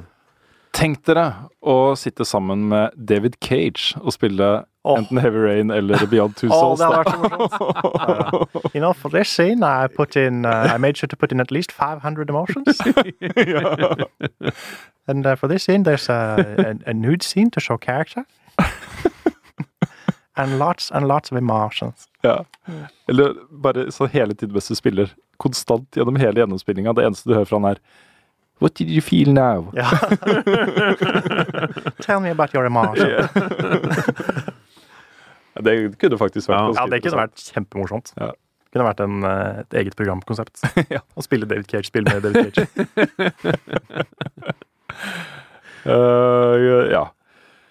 Alexander M. Viken spør hva er de morsomste og eller mest frustrerende spillglitchene dere har opplevd? Morsomste og mest frustrerende. Ja, og eller. Og eller. Ja. Hm. Jeg må tenke litt, hvis dere har noen. Mm. Altså, jeg, har en sånn umiddelbar, da. Jeg vet ikke, Det er ikke en direkte spillglitch, men Fallout 4 Der er det en sånn rar ting som skjer innimellom. Og det er at eh, når du skal fighte ting, og du går gjennom dører, em, så blir liksom spillet lagra på det siste punktet du var på. Og når du går inn døra, og du kanskje ikke har fullt liv når du gikk inn der, og så møter du en sånn supermutant eller ting som på en måte bare Som bare knerter deg. Og det som skjer når du da dør og blir revive igjen, er at du starter på akkurat samme sted. Så du havner jo i en evig loop hvor du ikke kommer ut av det. Og da blir jeg sånn Nå må jeg gå tilbake x antall minutter og gjøre dette her på nytt igjen. Mm. Og så var det sånn Ja, da var jeg der for å hente det, jeg var der og henta det. Ikke sant? Eh, Sånne ting. Og det syns jeg var utrolig frustrerende, og det skjer altfor ofte. Mm. Det er mulig jeg spiller dette her på en veldig feil måte, men uh, ja. Out of save-featuren der var uh, har eh, bitt meg i rumpa et Ja, par ganger. Så, det. Det er litt å venne seg til å måtte save igjen, ja, syns jeg, i Fallout. ja, Det er så sjelden man må save manuelt lenger. ja. Og det er sånn eh, Så nå har jeg endt opp med at jeg har eh, Altså, for, altså skal gå og skru av den autofeaturen som skjer der. Uh, for det håper jeg at det er mulig å gjøre. Ja. Så at man bare kan kjøre en quick save eller save, da. Mm. Men um, ja. Jeg har to glitcher. Uh, den ene er veldig klassisk, uh, og det er Mario Kart 64. Hvor du kunne på visse punkter på banene kjøre liksom et helt annet sted enn der banen gikk, og så havne liksom langt foran. Ja. Så man ble liksom bare Man uh, glitcha ut av mappet, på en måte, og ble satt tilbake på banen, men et helt annet sted. Ja, det der. Rainbow Road-hoppet, for eksempel. For eksempel. Et av dem. Eh, Det var kjempegøy, for det også var et spill jeg spilte mye med søsteren min. Og det var kjempemorsomt å finne de, og så bruke de uten Mm. at hun visste at det eksisterte. Det var kjempegøy. Eh, Så det er den ene, og den, eh, den var jo ganske utstrakt.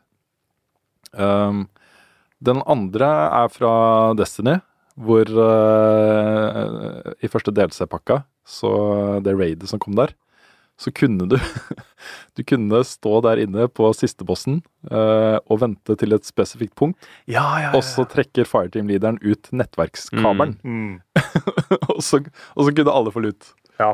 Og den var, eh, den var veldig bra. Ja, men det er kjempemorsomt. Bare sånn funny ting, liksom. Mm. At noen har funnet ut at det, Ja, det- faktisk er mulig. Det er det jeg er mest imponert over. Hvem er det som tenker at ja, hvis vi gjør dette, så funker det? Og det er Jeg sånn ser for meg liksom et sånt team som er så frustrert. Og bare Nå har vi prøvd alt. Ja. Vi trekker ut nettverkskabelen Ja. idet han går ned på kne, liksom. Og ser hva som skjer. Og så går det. Ja, nei, Det ligger jo liksom i eh, manipulering av nettverkstrafikk og påvirkning av den eh, greia der, liksom. Hvilke signaler som går til og fra serveren. Men eh, allikevel. Det er, det er så crazy. Og det var jo en periode der hvor alle gjorde det. Ja, ja. Tror du ikke det er stedet en tilfeldighet? Jeg vet Er det, det kan ikke være noen som har sittet og prøvd dette her? Har ikke peiling. Nei. Jo, kanskje, kanskje det er tilfeldig, ja. Ja, det er mulig, det, altså. Det er mulig. Så kanskje ja, noen har liksom opplevd at nettlinja har ramla ut akkurat idet han går ned, og så blir han bare stående på knærne. Altså. Ja. Mm. Det kan Ellers, jo så, ellers er det noen som bare This is just crazy enough to work. ja. den, er, den er veldig morsom. Den er det. Det er jo et veldig bra eksempel. Mm. Jeg tror min mest irriterende glitch også er fra Destiny. Det er vel egentlig eh, halvparten av de åtte timene vi satt eh, den dagen vi tok raid for første gang på VG. For da var det jo Da ble vi jo fucka av bugs i den Atheon-fighten igjen og igjen og igjen. Ja. Da var jeg sinna. Okay. Ja. ja. Ja, det var frustrerende. Ja. Ja, det har jo skjedd selv på det siste raidet. Har liksom kommer til uh, det, Jeg vet ikke hva som skjedde, det var på Kings Fall. Vi kommer til siste vi, altså siste runden hvor du skal skyte på, på Oryx. Og så Det er et eller annet med eksplosjonen eller sånn, men altså Idet han på en måte blir stagra, så går alle bombene av. Så han blir bare stående i den loopen der til, til evig tid. At han bare står og er stagla, og ingenting skjer. Vi kan ikke ta noen bomber eller noen ting. Og så bare går det en viss tid, og så bare wiper hele laget. Det, er altså, det er jo utrolig frustrerende når du har brukt liksom tid og energi på å komme deg gjennom. Så Ja, det, Ja. det suger. Jeg har helt jernteppe på morsomme glitcher nå. Det er så mange av de. Jeg liker den i eh, Assassin's Creed hvor eh, Altså, det var mange morsomme i Unity. ja, den tror jeg kanskje er det morsomste. Ja, er. Han som bare detter Ja, ja. sammen. Det er en sånn assassination inne på et sånt fint sted, hvor du bare stealth assassinater en fyr, og så står han helt stille. Bare sånn bom fast på bakken. Bare kanskje i sånn ti sekunder. Og så bare faceplanter han hardt i Ja, bakken. det, ja, det, er, det er så Det er sinnssykt bra. Dritmorsomt. Jeg husker den scenen fra anmeldelsen deres. Det var eh, gøy. Ja, den er, den er fin. Altså, også den der hvor du assassinater en vakt, og så bare istedenfor at han detter i bakken, Ja. så blir han til en sånn derre implosjon av uh, geometriske former. Mm. Som bare strekker seg utover hele mappet og bare blæ, blæ, i alle kanter. Det, det også er morsomt. Ja.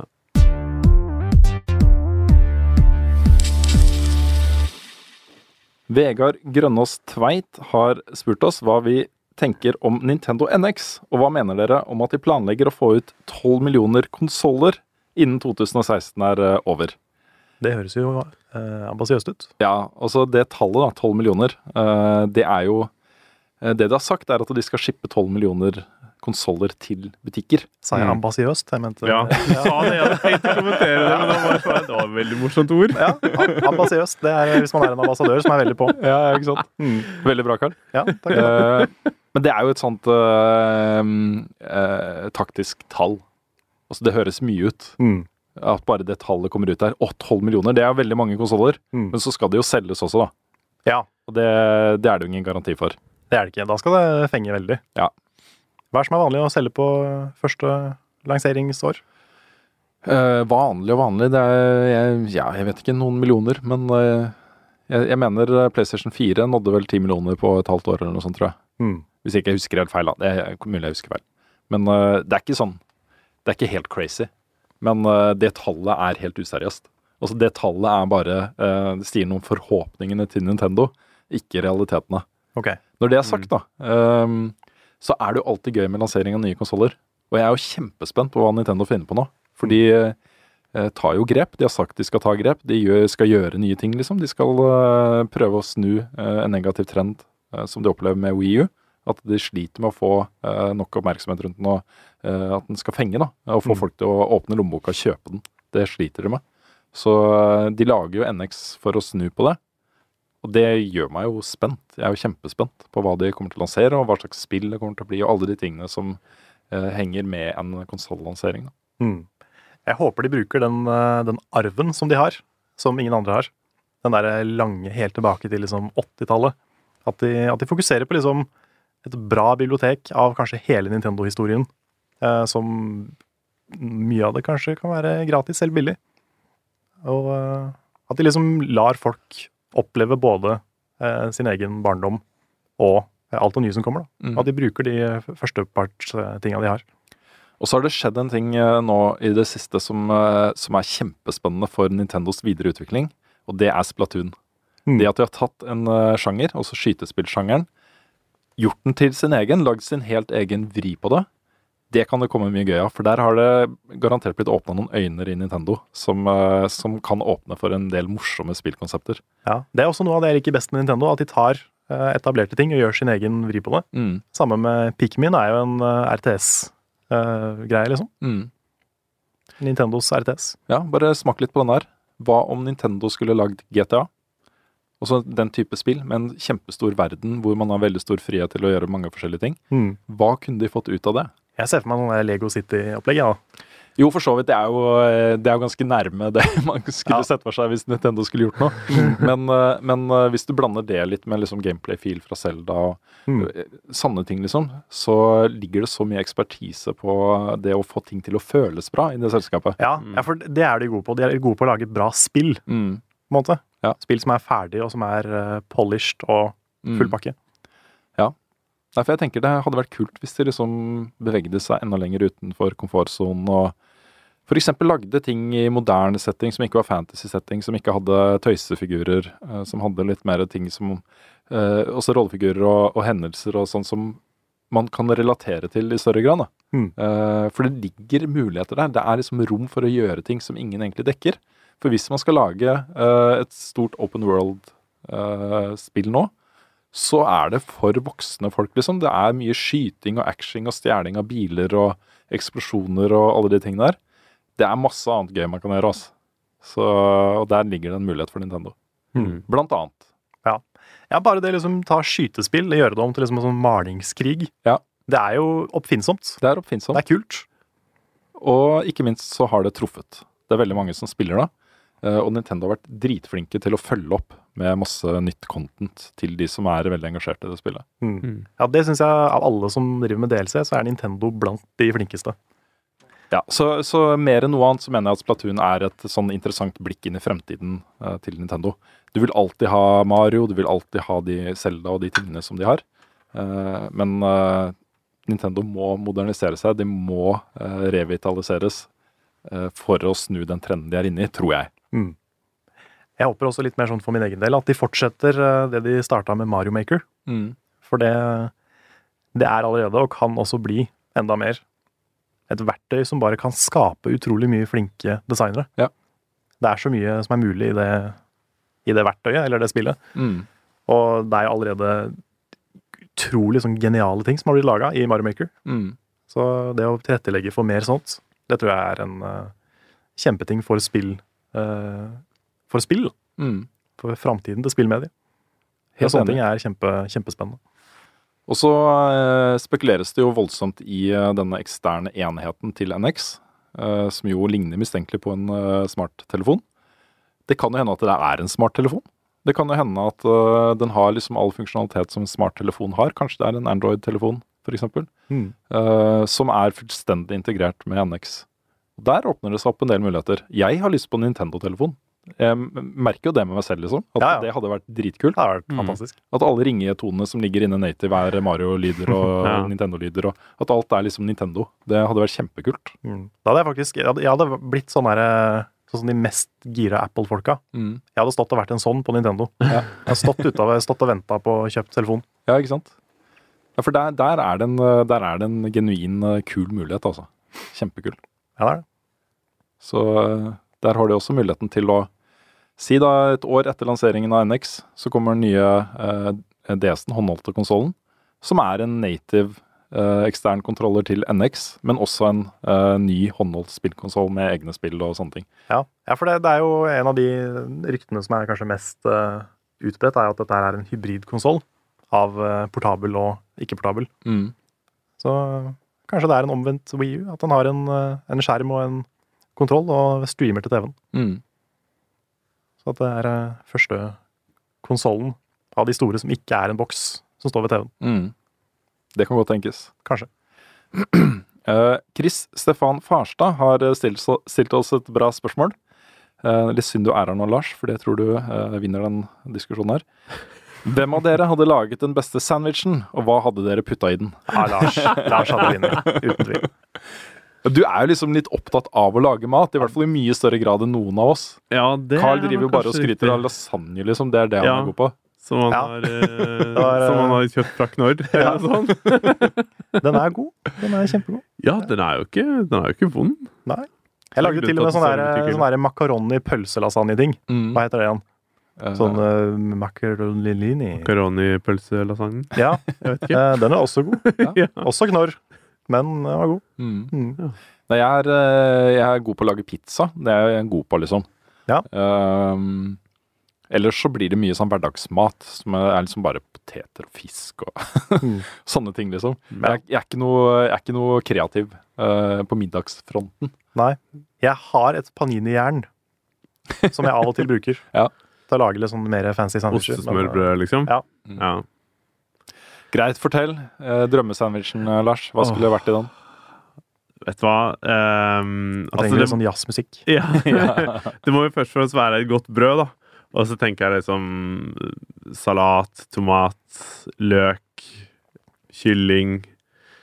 Kanskje en eller annen god uh, salami eller uh, chorizo eller noen sånne ting. Eh, bacon kan man jo putte på. Det er også veldig godt.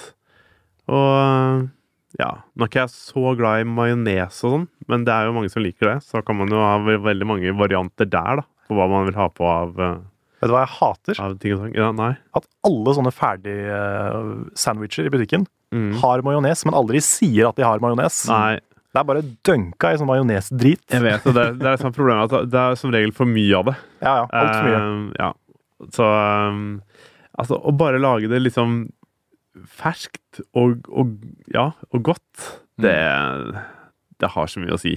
Og det, du, kan, du kan putte på egentlig hva du vil av ting, men jeg er veldig glad, glad i den derre eh, basicen, da. Av, eh, av, av smak. Så liksom sånn BLT er på en måte favoritten av eh, sandwich for meg, altså. Mm. Som er sånn bacon, lettuce, tomato. Ja. Melkvarianter. Jeg er glad i club eh, sandwich. Ja, det også er dritgodt. Ja, det er veldig godt. Um, godt brød er liksom Mm. kjempeviktig. Ja, det er kanskje det viktigste. Ja, At det må være skikkelig godt. Og eh, før i tiden så var jeg veldig glad i lyst brød. Jeg syns Ja. bare det, smaken fra det var kjempegodt. Uh, men uh, man kommer til et punkt hvor man har spist grovt brød en stund. Mm. Så det å spise lyst brød da etterpå, da blir man liksom Man får vondt i magen. og Det er, liksom, det er så Mm. rart at det er sånn. Mm. Så ja. Men eh, det er liksom to ingredienser jeg ville hatt med. Enten den ene eller den andre. Mm. Det ene er barbecue-saus. Skikkelig god Mm. barbecue- barbecue-saus. Eller eh, honningsennep. Mm. Eh, Dijon har en sånn eh, honningsennep som du kan kjøpe i noen butikker rundt omkring i Oslo. Som er bare så sinnssykt god. og den gjør alt av kjøtting mye bedre, da. Så etter annet sånn der honeycurd ham med Dijon, eh, honningsennep og salat og Mm. tomat og sånt, jeg tror kanskje noe ost. Det var noe jeg aldri har smakt før, før du nevnte det. Ja. Og så skaffa jeg meg det, og det var sånn eh, Det er skummelt, for det er eh, Det er jo så godt. Ja, nå bruker jeg det på pølser. Når vi har pølser hjemme, så bruker jeg den istedenfor vanlig Ja. sånn uh, sennep. Jeg bruker den sennepen til alt. da. Det er vel kanskje den minst sunne sennepen du kan spise. Jeg vet ikke helt.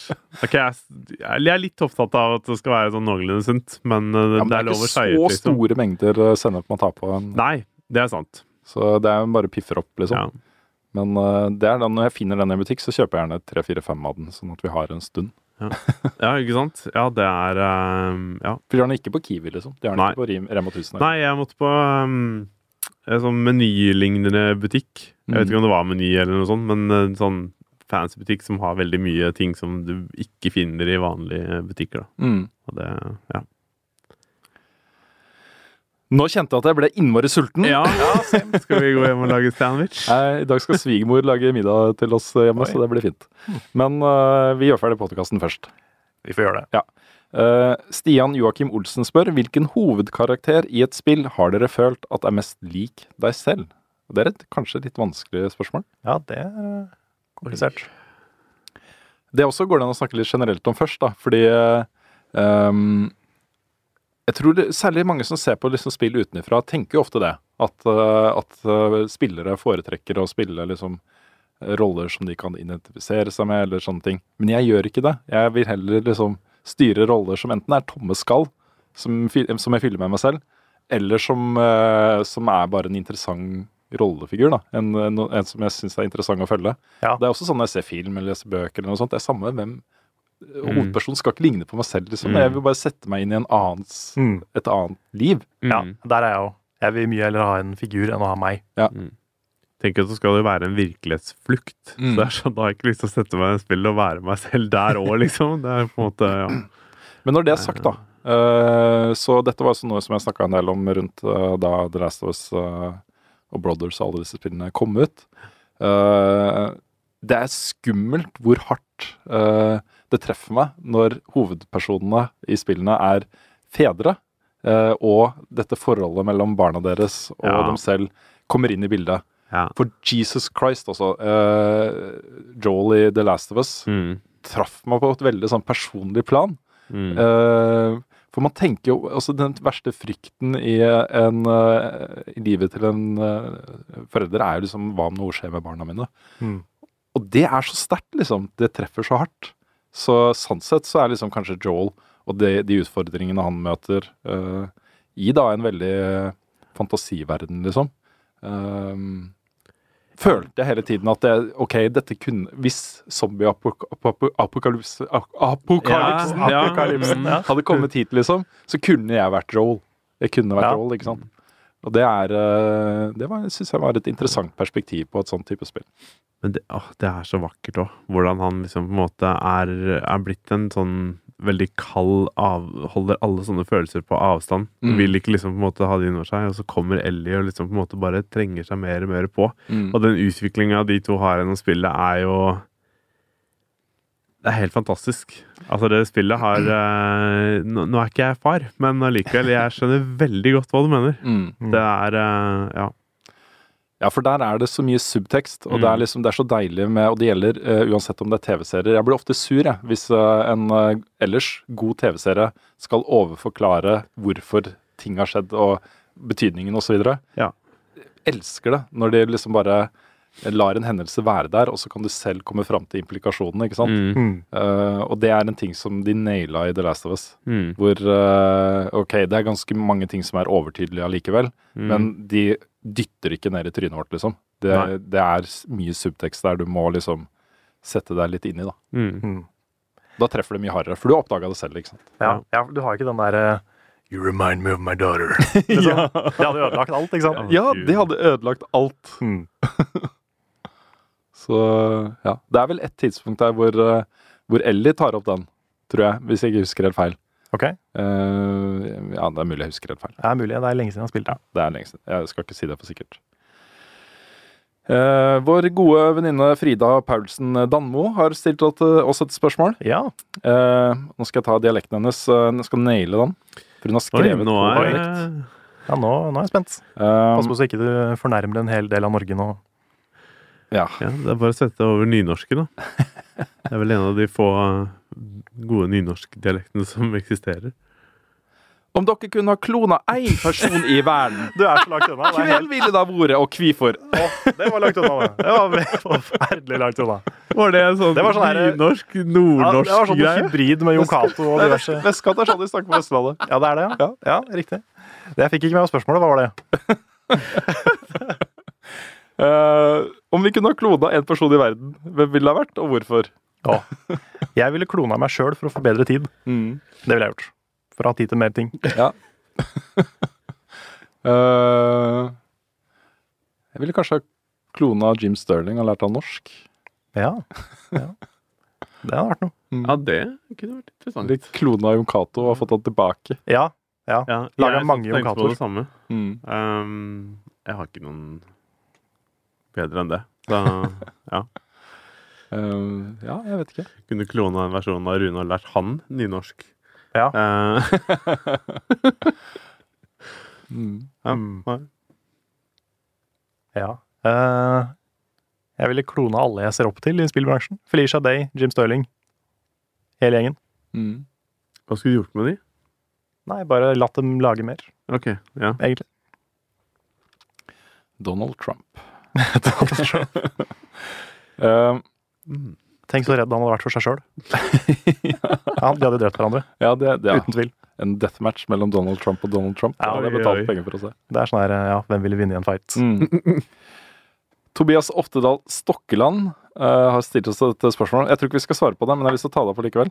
Okay. Hva er det minst episke spillet dere har fullført? Hvorfor fullførte dere det? Så skriver han i parentes Episk er et norsk ord. Vi har det i norskboka vår på skolen.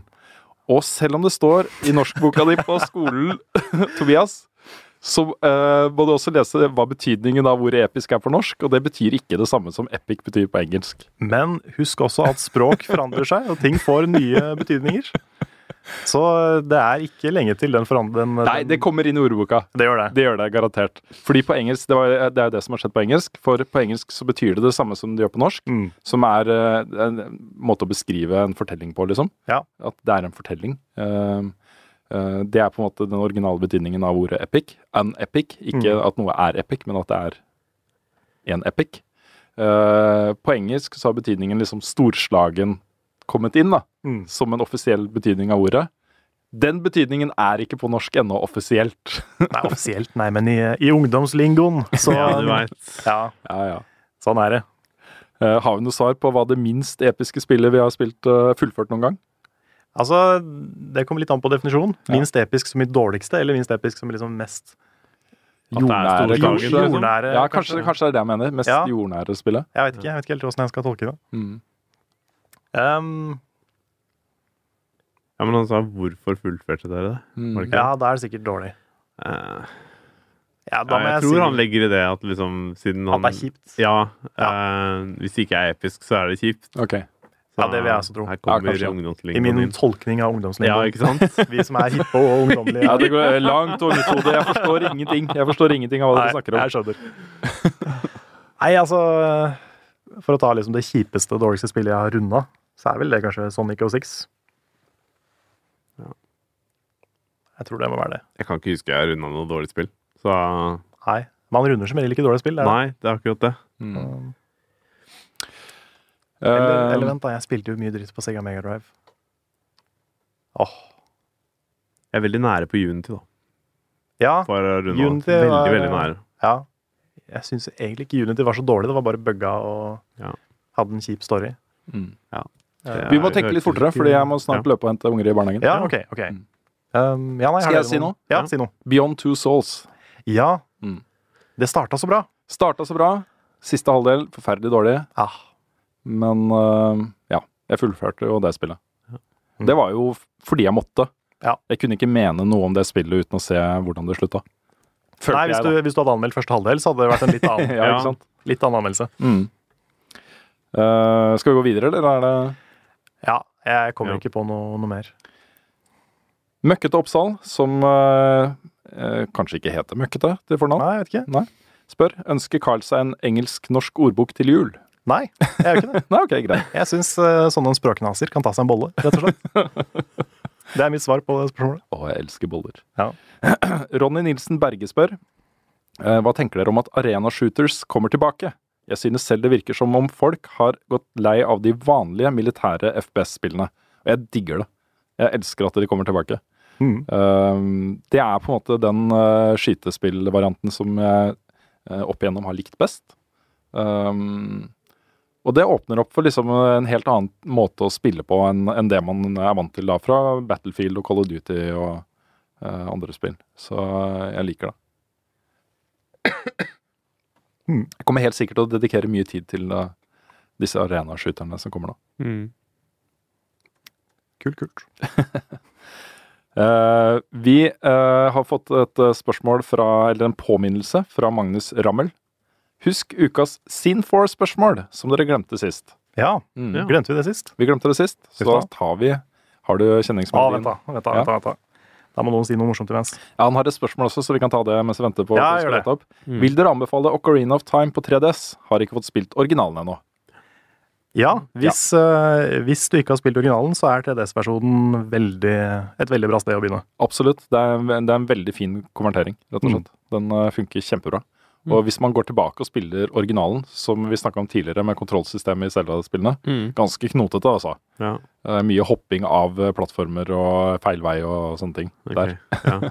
Så 3DS-versjonen er faktisk eh, ganske behagelig å spille, Ja. sammenligna med det. Ja, Jeg har sittet sånn i hvert fall et år nå frem og tilbake om jeg skal kjøpe meg en 3DS. Jeg klarer ikke å bestemme meg. Det er så mye Så- bra spill her, eh, Lars. Ja, Ja, det har kommet mye bra. ja. Nå kommer også eh, Er det Steamworld Heist som lanseres på 3DS i disse dager? Det kan stemme. det? Som er et uh, veldig kult uh, konsept. Hmm. Kanskje jeg bare skal gjøre det og ikke se meg tilbake. You're nothing to lose. Mhm. Ok, er vi klare for Sin4? Ja. Ok, here we go.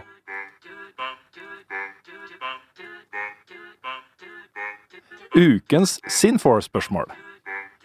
Får håpe jeg ikke er for sent ute.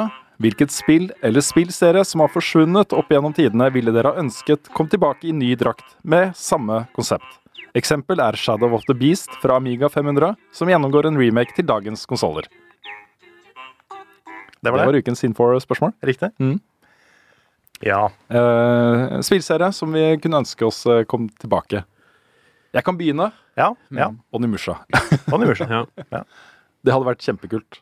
Eh, Men også Metroid. For det er lenge siden vi har fått et skikkelig bra Metroid-spill nå. Jeg jeg har så lyst til å eh, få et nytt eh, Metroid-spill. Mm. Jeg må Et si, skikkelig eh, et. Mm. jeg må si Kronotrigger slash Kronocross. Mm. Den serien har ligget, ligget i dvale altfor altfor lenge. Mm. Og uh, Mother, obviously. Men det skjer nok ikke. For min del så er det Settlers. Det er jo fortsatt en serie som eksisterer, og det kommer jo nye spill. Eh, men eh, de nye spillene har ikke den sjarmen som de eh, tre slash fire første spillene i den serien hadde. Mm. Og det, det savner jeg så utrolig mye. Jeg elsker jo strategispill. Så ja. Mm. Jeg tror vi får la det være siste spørsmål. Jeg ser på klokka nå at vi har sittet her lenge nok. Mm. Og hvis jeg sitter lenger nå, så får jeg et problem. Ja. Så eh, Da må vi nesten runde av. vi får runde av. Du fikk siste ordet, Trond. Det er han sikkert ikke misfornøyd med. Nei da, det er nok jeg. Um, vi eh, kommer jo med stoff eh, på VGTV i tiden fram mot jul. Ja, da snakker vi ikke om narkotika. Nei, vi gjør faktisk ikke det. altså. Nei, det ikke. Beklager hvis noen misfor misforsto den. Ja, Så ikke arrester oss på det. Nei. Men det kommer videoer på VGTV ja. Mm. framover. Uh, vi skal anmelde en del spill. Frida har akkurat satt seg ned med Xenoblade Chronicles eh, X. Stemmer. Uh, vi skal få anmeldt uh, Rainbow Six. Det ligger allerede anmeldelser av både eh, Game of Thrones, etter at alle kapitlene i første sesong der er ute. Stemmer. Um, anmeldelse av Star Wars Battlefront, som du og Nick lagde. Den ble kjempefin. Mm. Så det kommer en del sånne innslag. Vi har også Snakka vi om å kanskje ta en, eh, en pause på podkasten neste uke? Ja, vi, vi skal jo gå inn i eh, hardproduksjon Ja. av siste episode.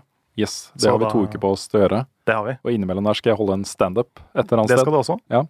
Eh, så da blir det ikke podkast neste uke. Så da kommer vi tilbake da uh, rundt 22. desember med seriefinalen vår. Mm. Og kanskje rett før det med uh, podkastfinalen. Stemmer. Blir, det blir noe sånt. Det blir noe sånt. Ja, Så det kommer til å skje ting. Følg med på Facebook-siden vår. Der heter vi Level Up eh, VG. Eh, der informerer vi om det meste. Det gjør vi. Og så, ja, er vi jo tilbake for siste gang eh, Det er vi. om et par uker. Yes. Mm. Tusen takk til alle som har hørt på. Tusen takk til deg, Lars, som eh, kom innom studio. Det er alltid hyggelig å ha deg på besøk. Vi må jo også fort eh, plugge deg mens du er her. Ja. Hvor kan man finne deg på internett? Søk på Storm-Lars, så finner du meg. På YouTube og Twitter og Instagram og Jeg vet ikke. Mm. Fins det et sosialt medium der ute, så finner du Lars der. Ja, jeg tror det. Mm. Nei, det er Er sikkert er mange jeg ikke er Nei, på. hva heter det alle disse tingene? Kick, holdt jeg på å si, men det er jo det er noe annet. Det vet ikke jeg helt hva er. Nei. Men uh, det tror jeg ikke jeg har brukt. Men Det eh, er ikke noe som heter Omegle. Ja, der, er, Ja. eh, der henger du mye, ikke sant? der har jeg vært én gang. Ja. Jeg henger ikke der. Ja, okay, greit. Du har vært der én gang, bare det er jo liksom Ja. kult, da. Det var fordi noen andre hadde en greie som pågikk der, men så skjønte jeg at det var mye annet rart der også. Og Det er mye. Min favoritt veldig- uh, Omegle-fenomen er eh, de som sitter i bar overkropp. Du ser bare liksom fra Ja. navlen opp, Ja. og så eh, rister eh, hånda, liksom. Ja. Det, ikke sant? Det er jo ikke noe tvil om hva som foregår der. Nei, Og så sitter jo de andre de pusser brillene. Ja, Ja. Og så pusser de skoene, eller vasker tallerkener, eller et eller annet, liksom. Ja. Det er så hysterisk festlig. Jeg ler meg i hjel av det. så, men det har jeg bare sett giffer av. Da jeg har ikke vært på Omega. Nei, du har Omegle selv. ikke selvfølgelig du har ikke Nei, jeg har ikke sittet på Omega og pussa sko, liksom. Nei. Ikke. Hvis du finner en gif, så er det ikke Rune. Nei, det er ikke meg. Eh, det er bare noe som ligner veldig. Ja, ja. Greit. Men vi takker for oss, eh, og så er vi, så er vi jo tilbake da, om et par uker. Det er vi.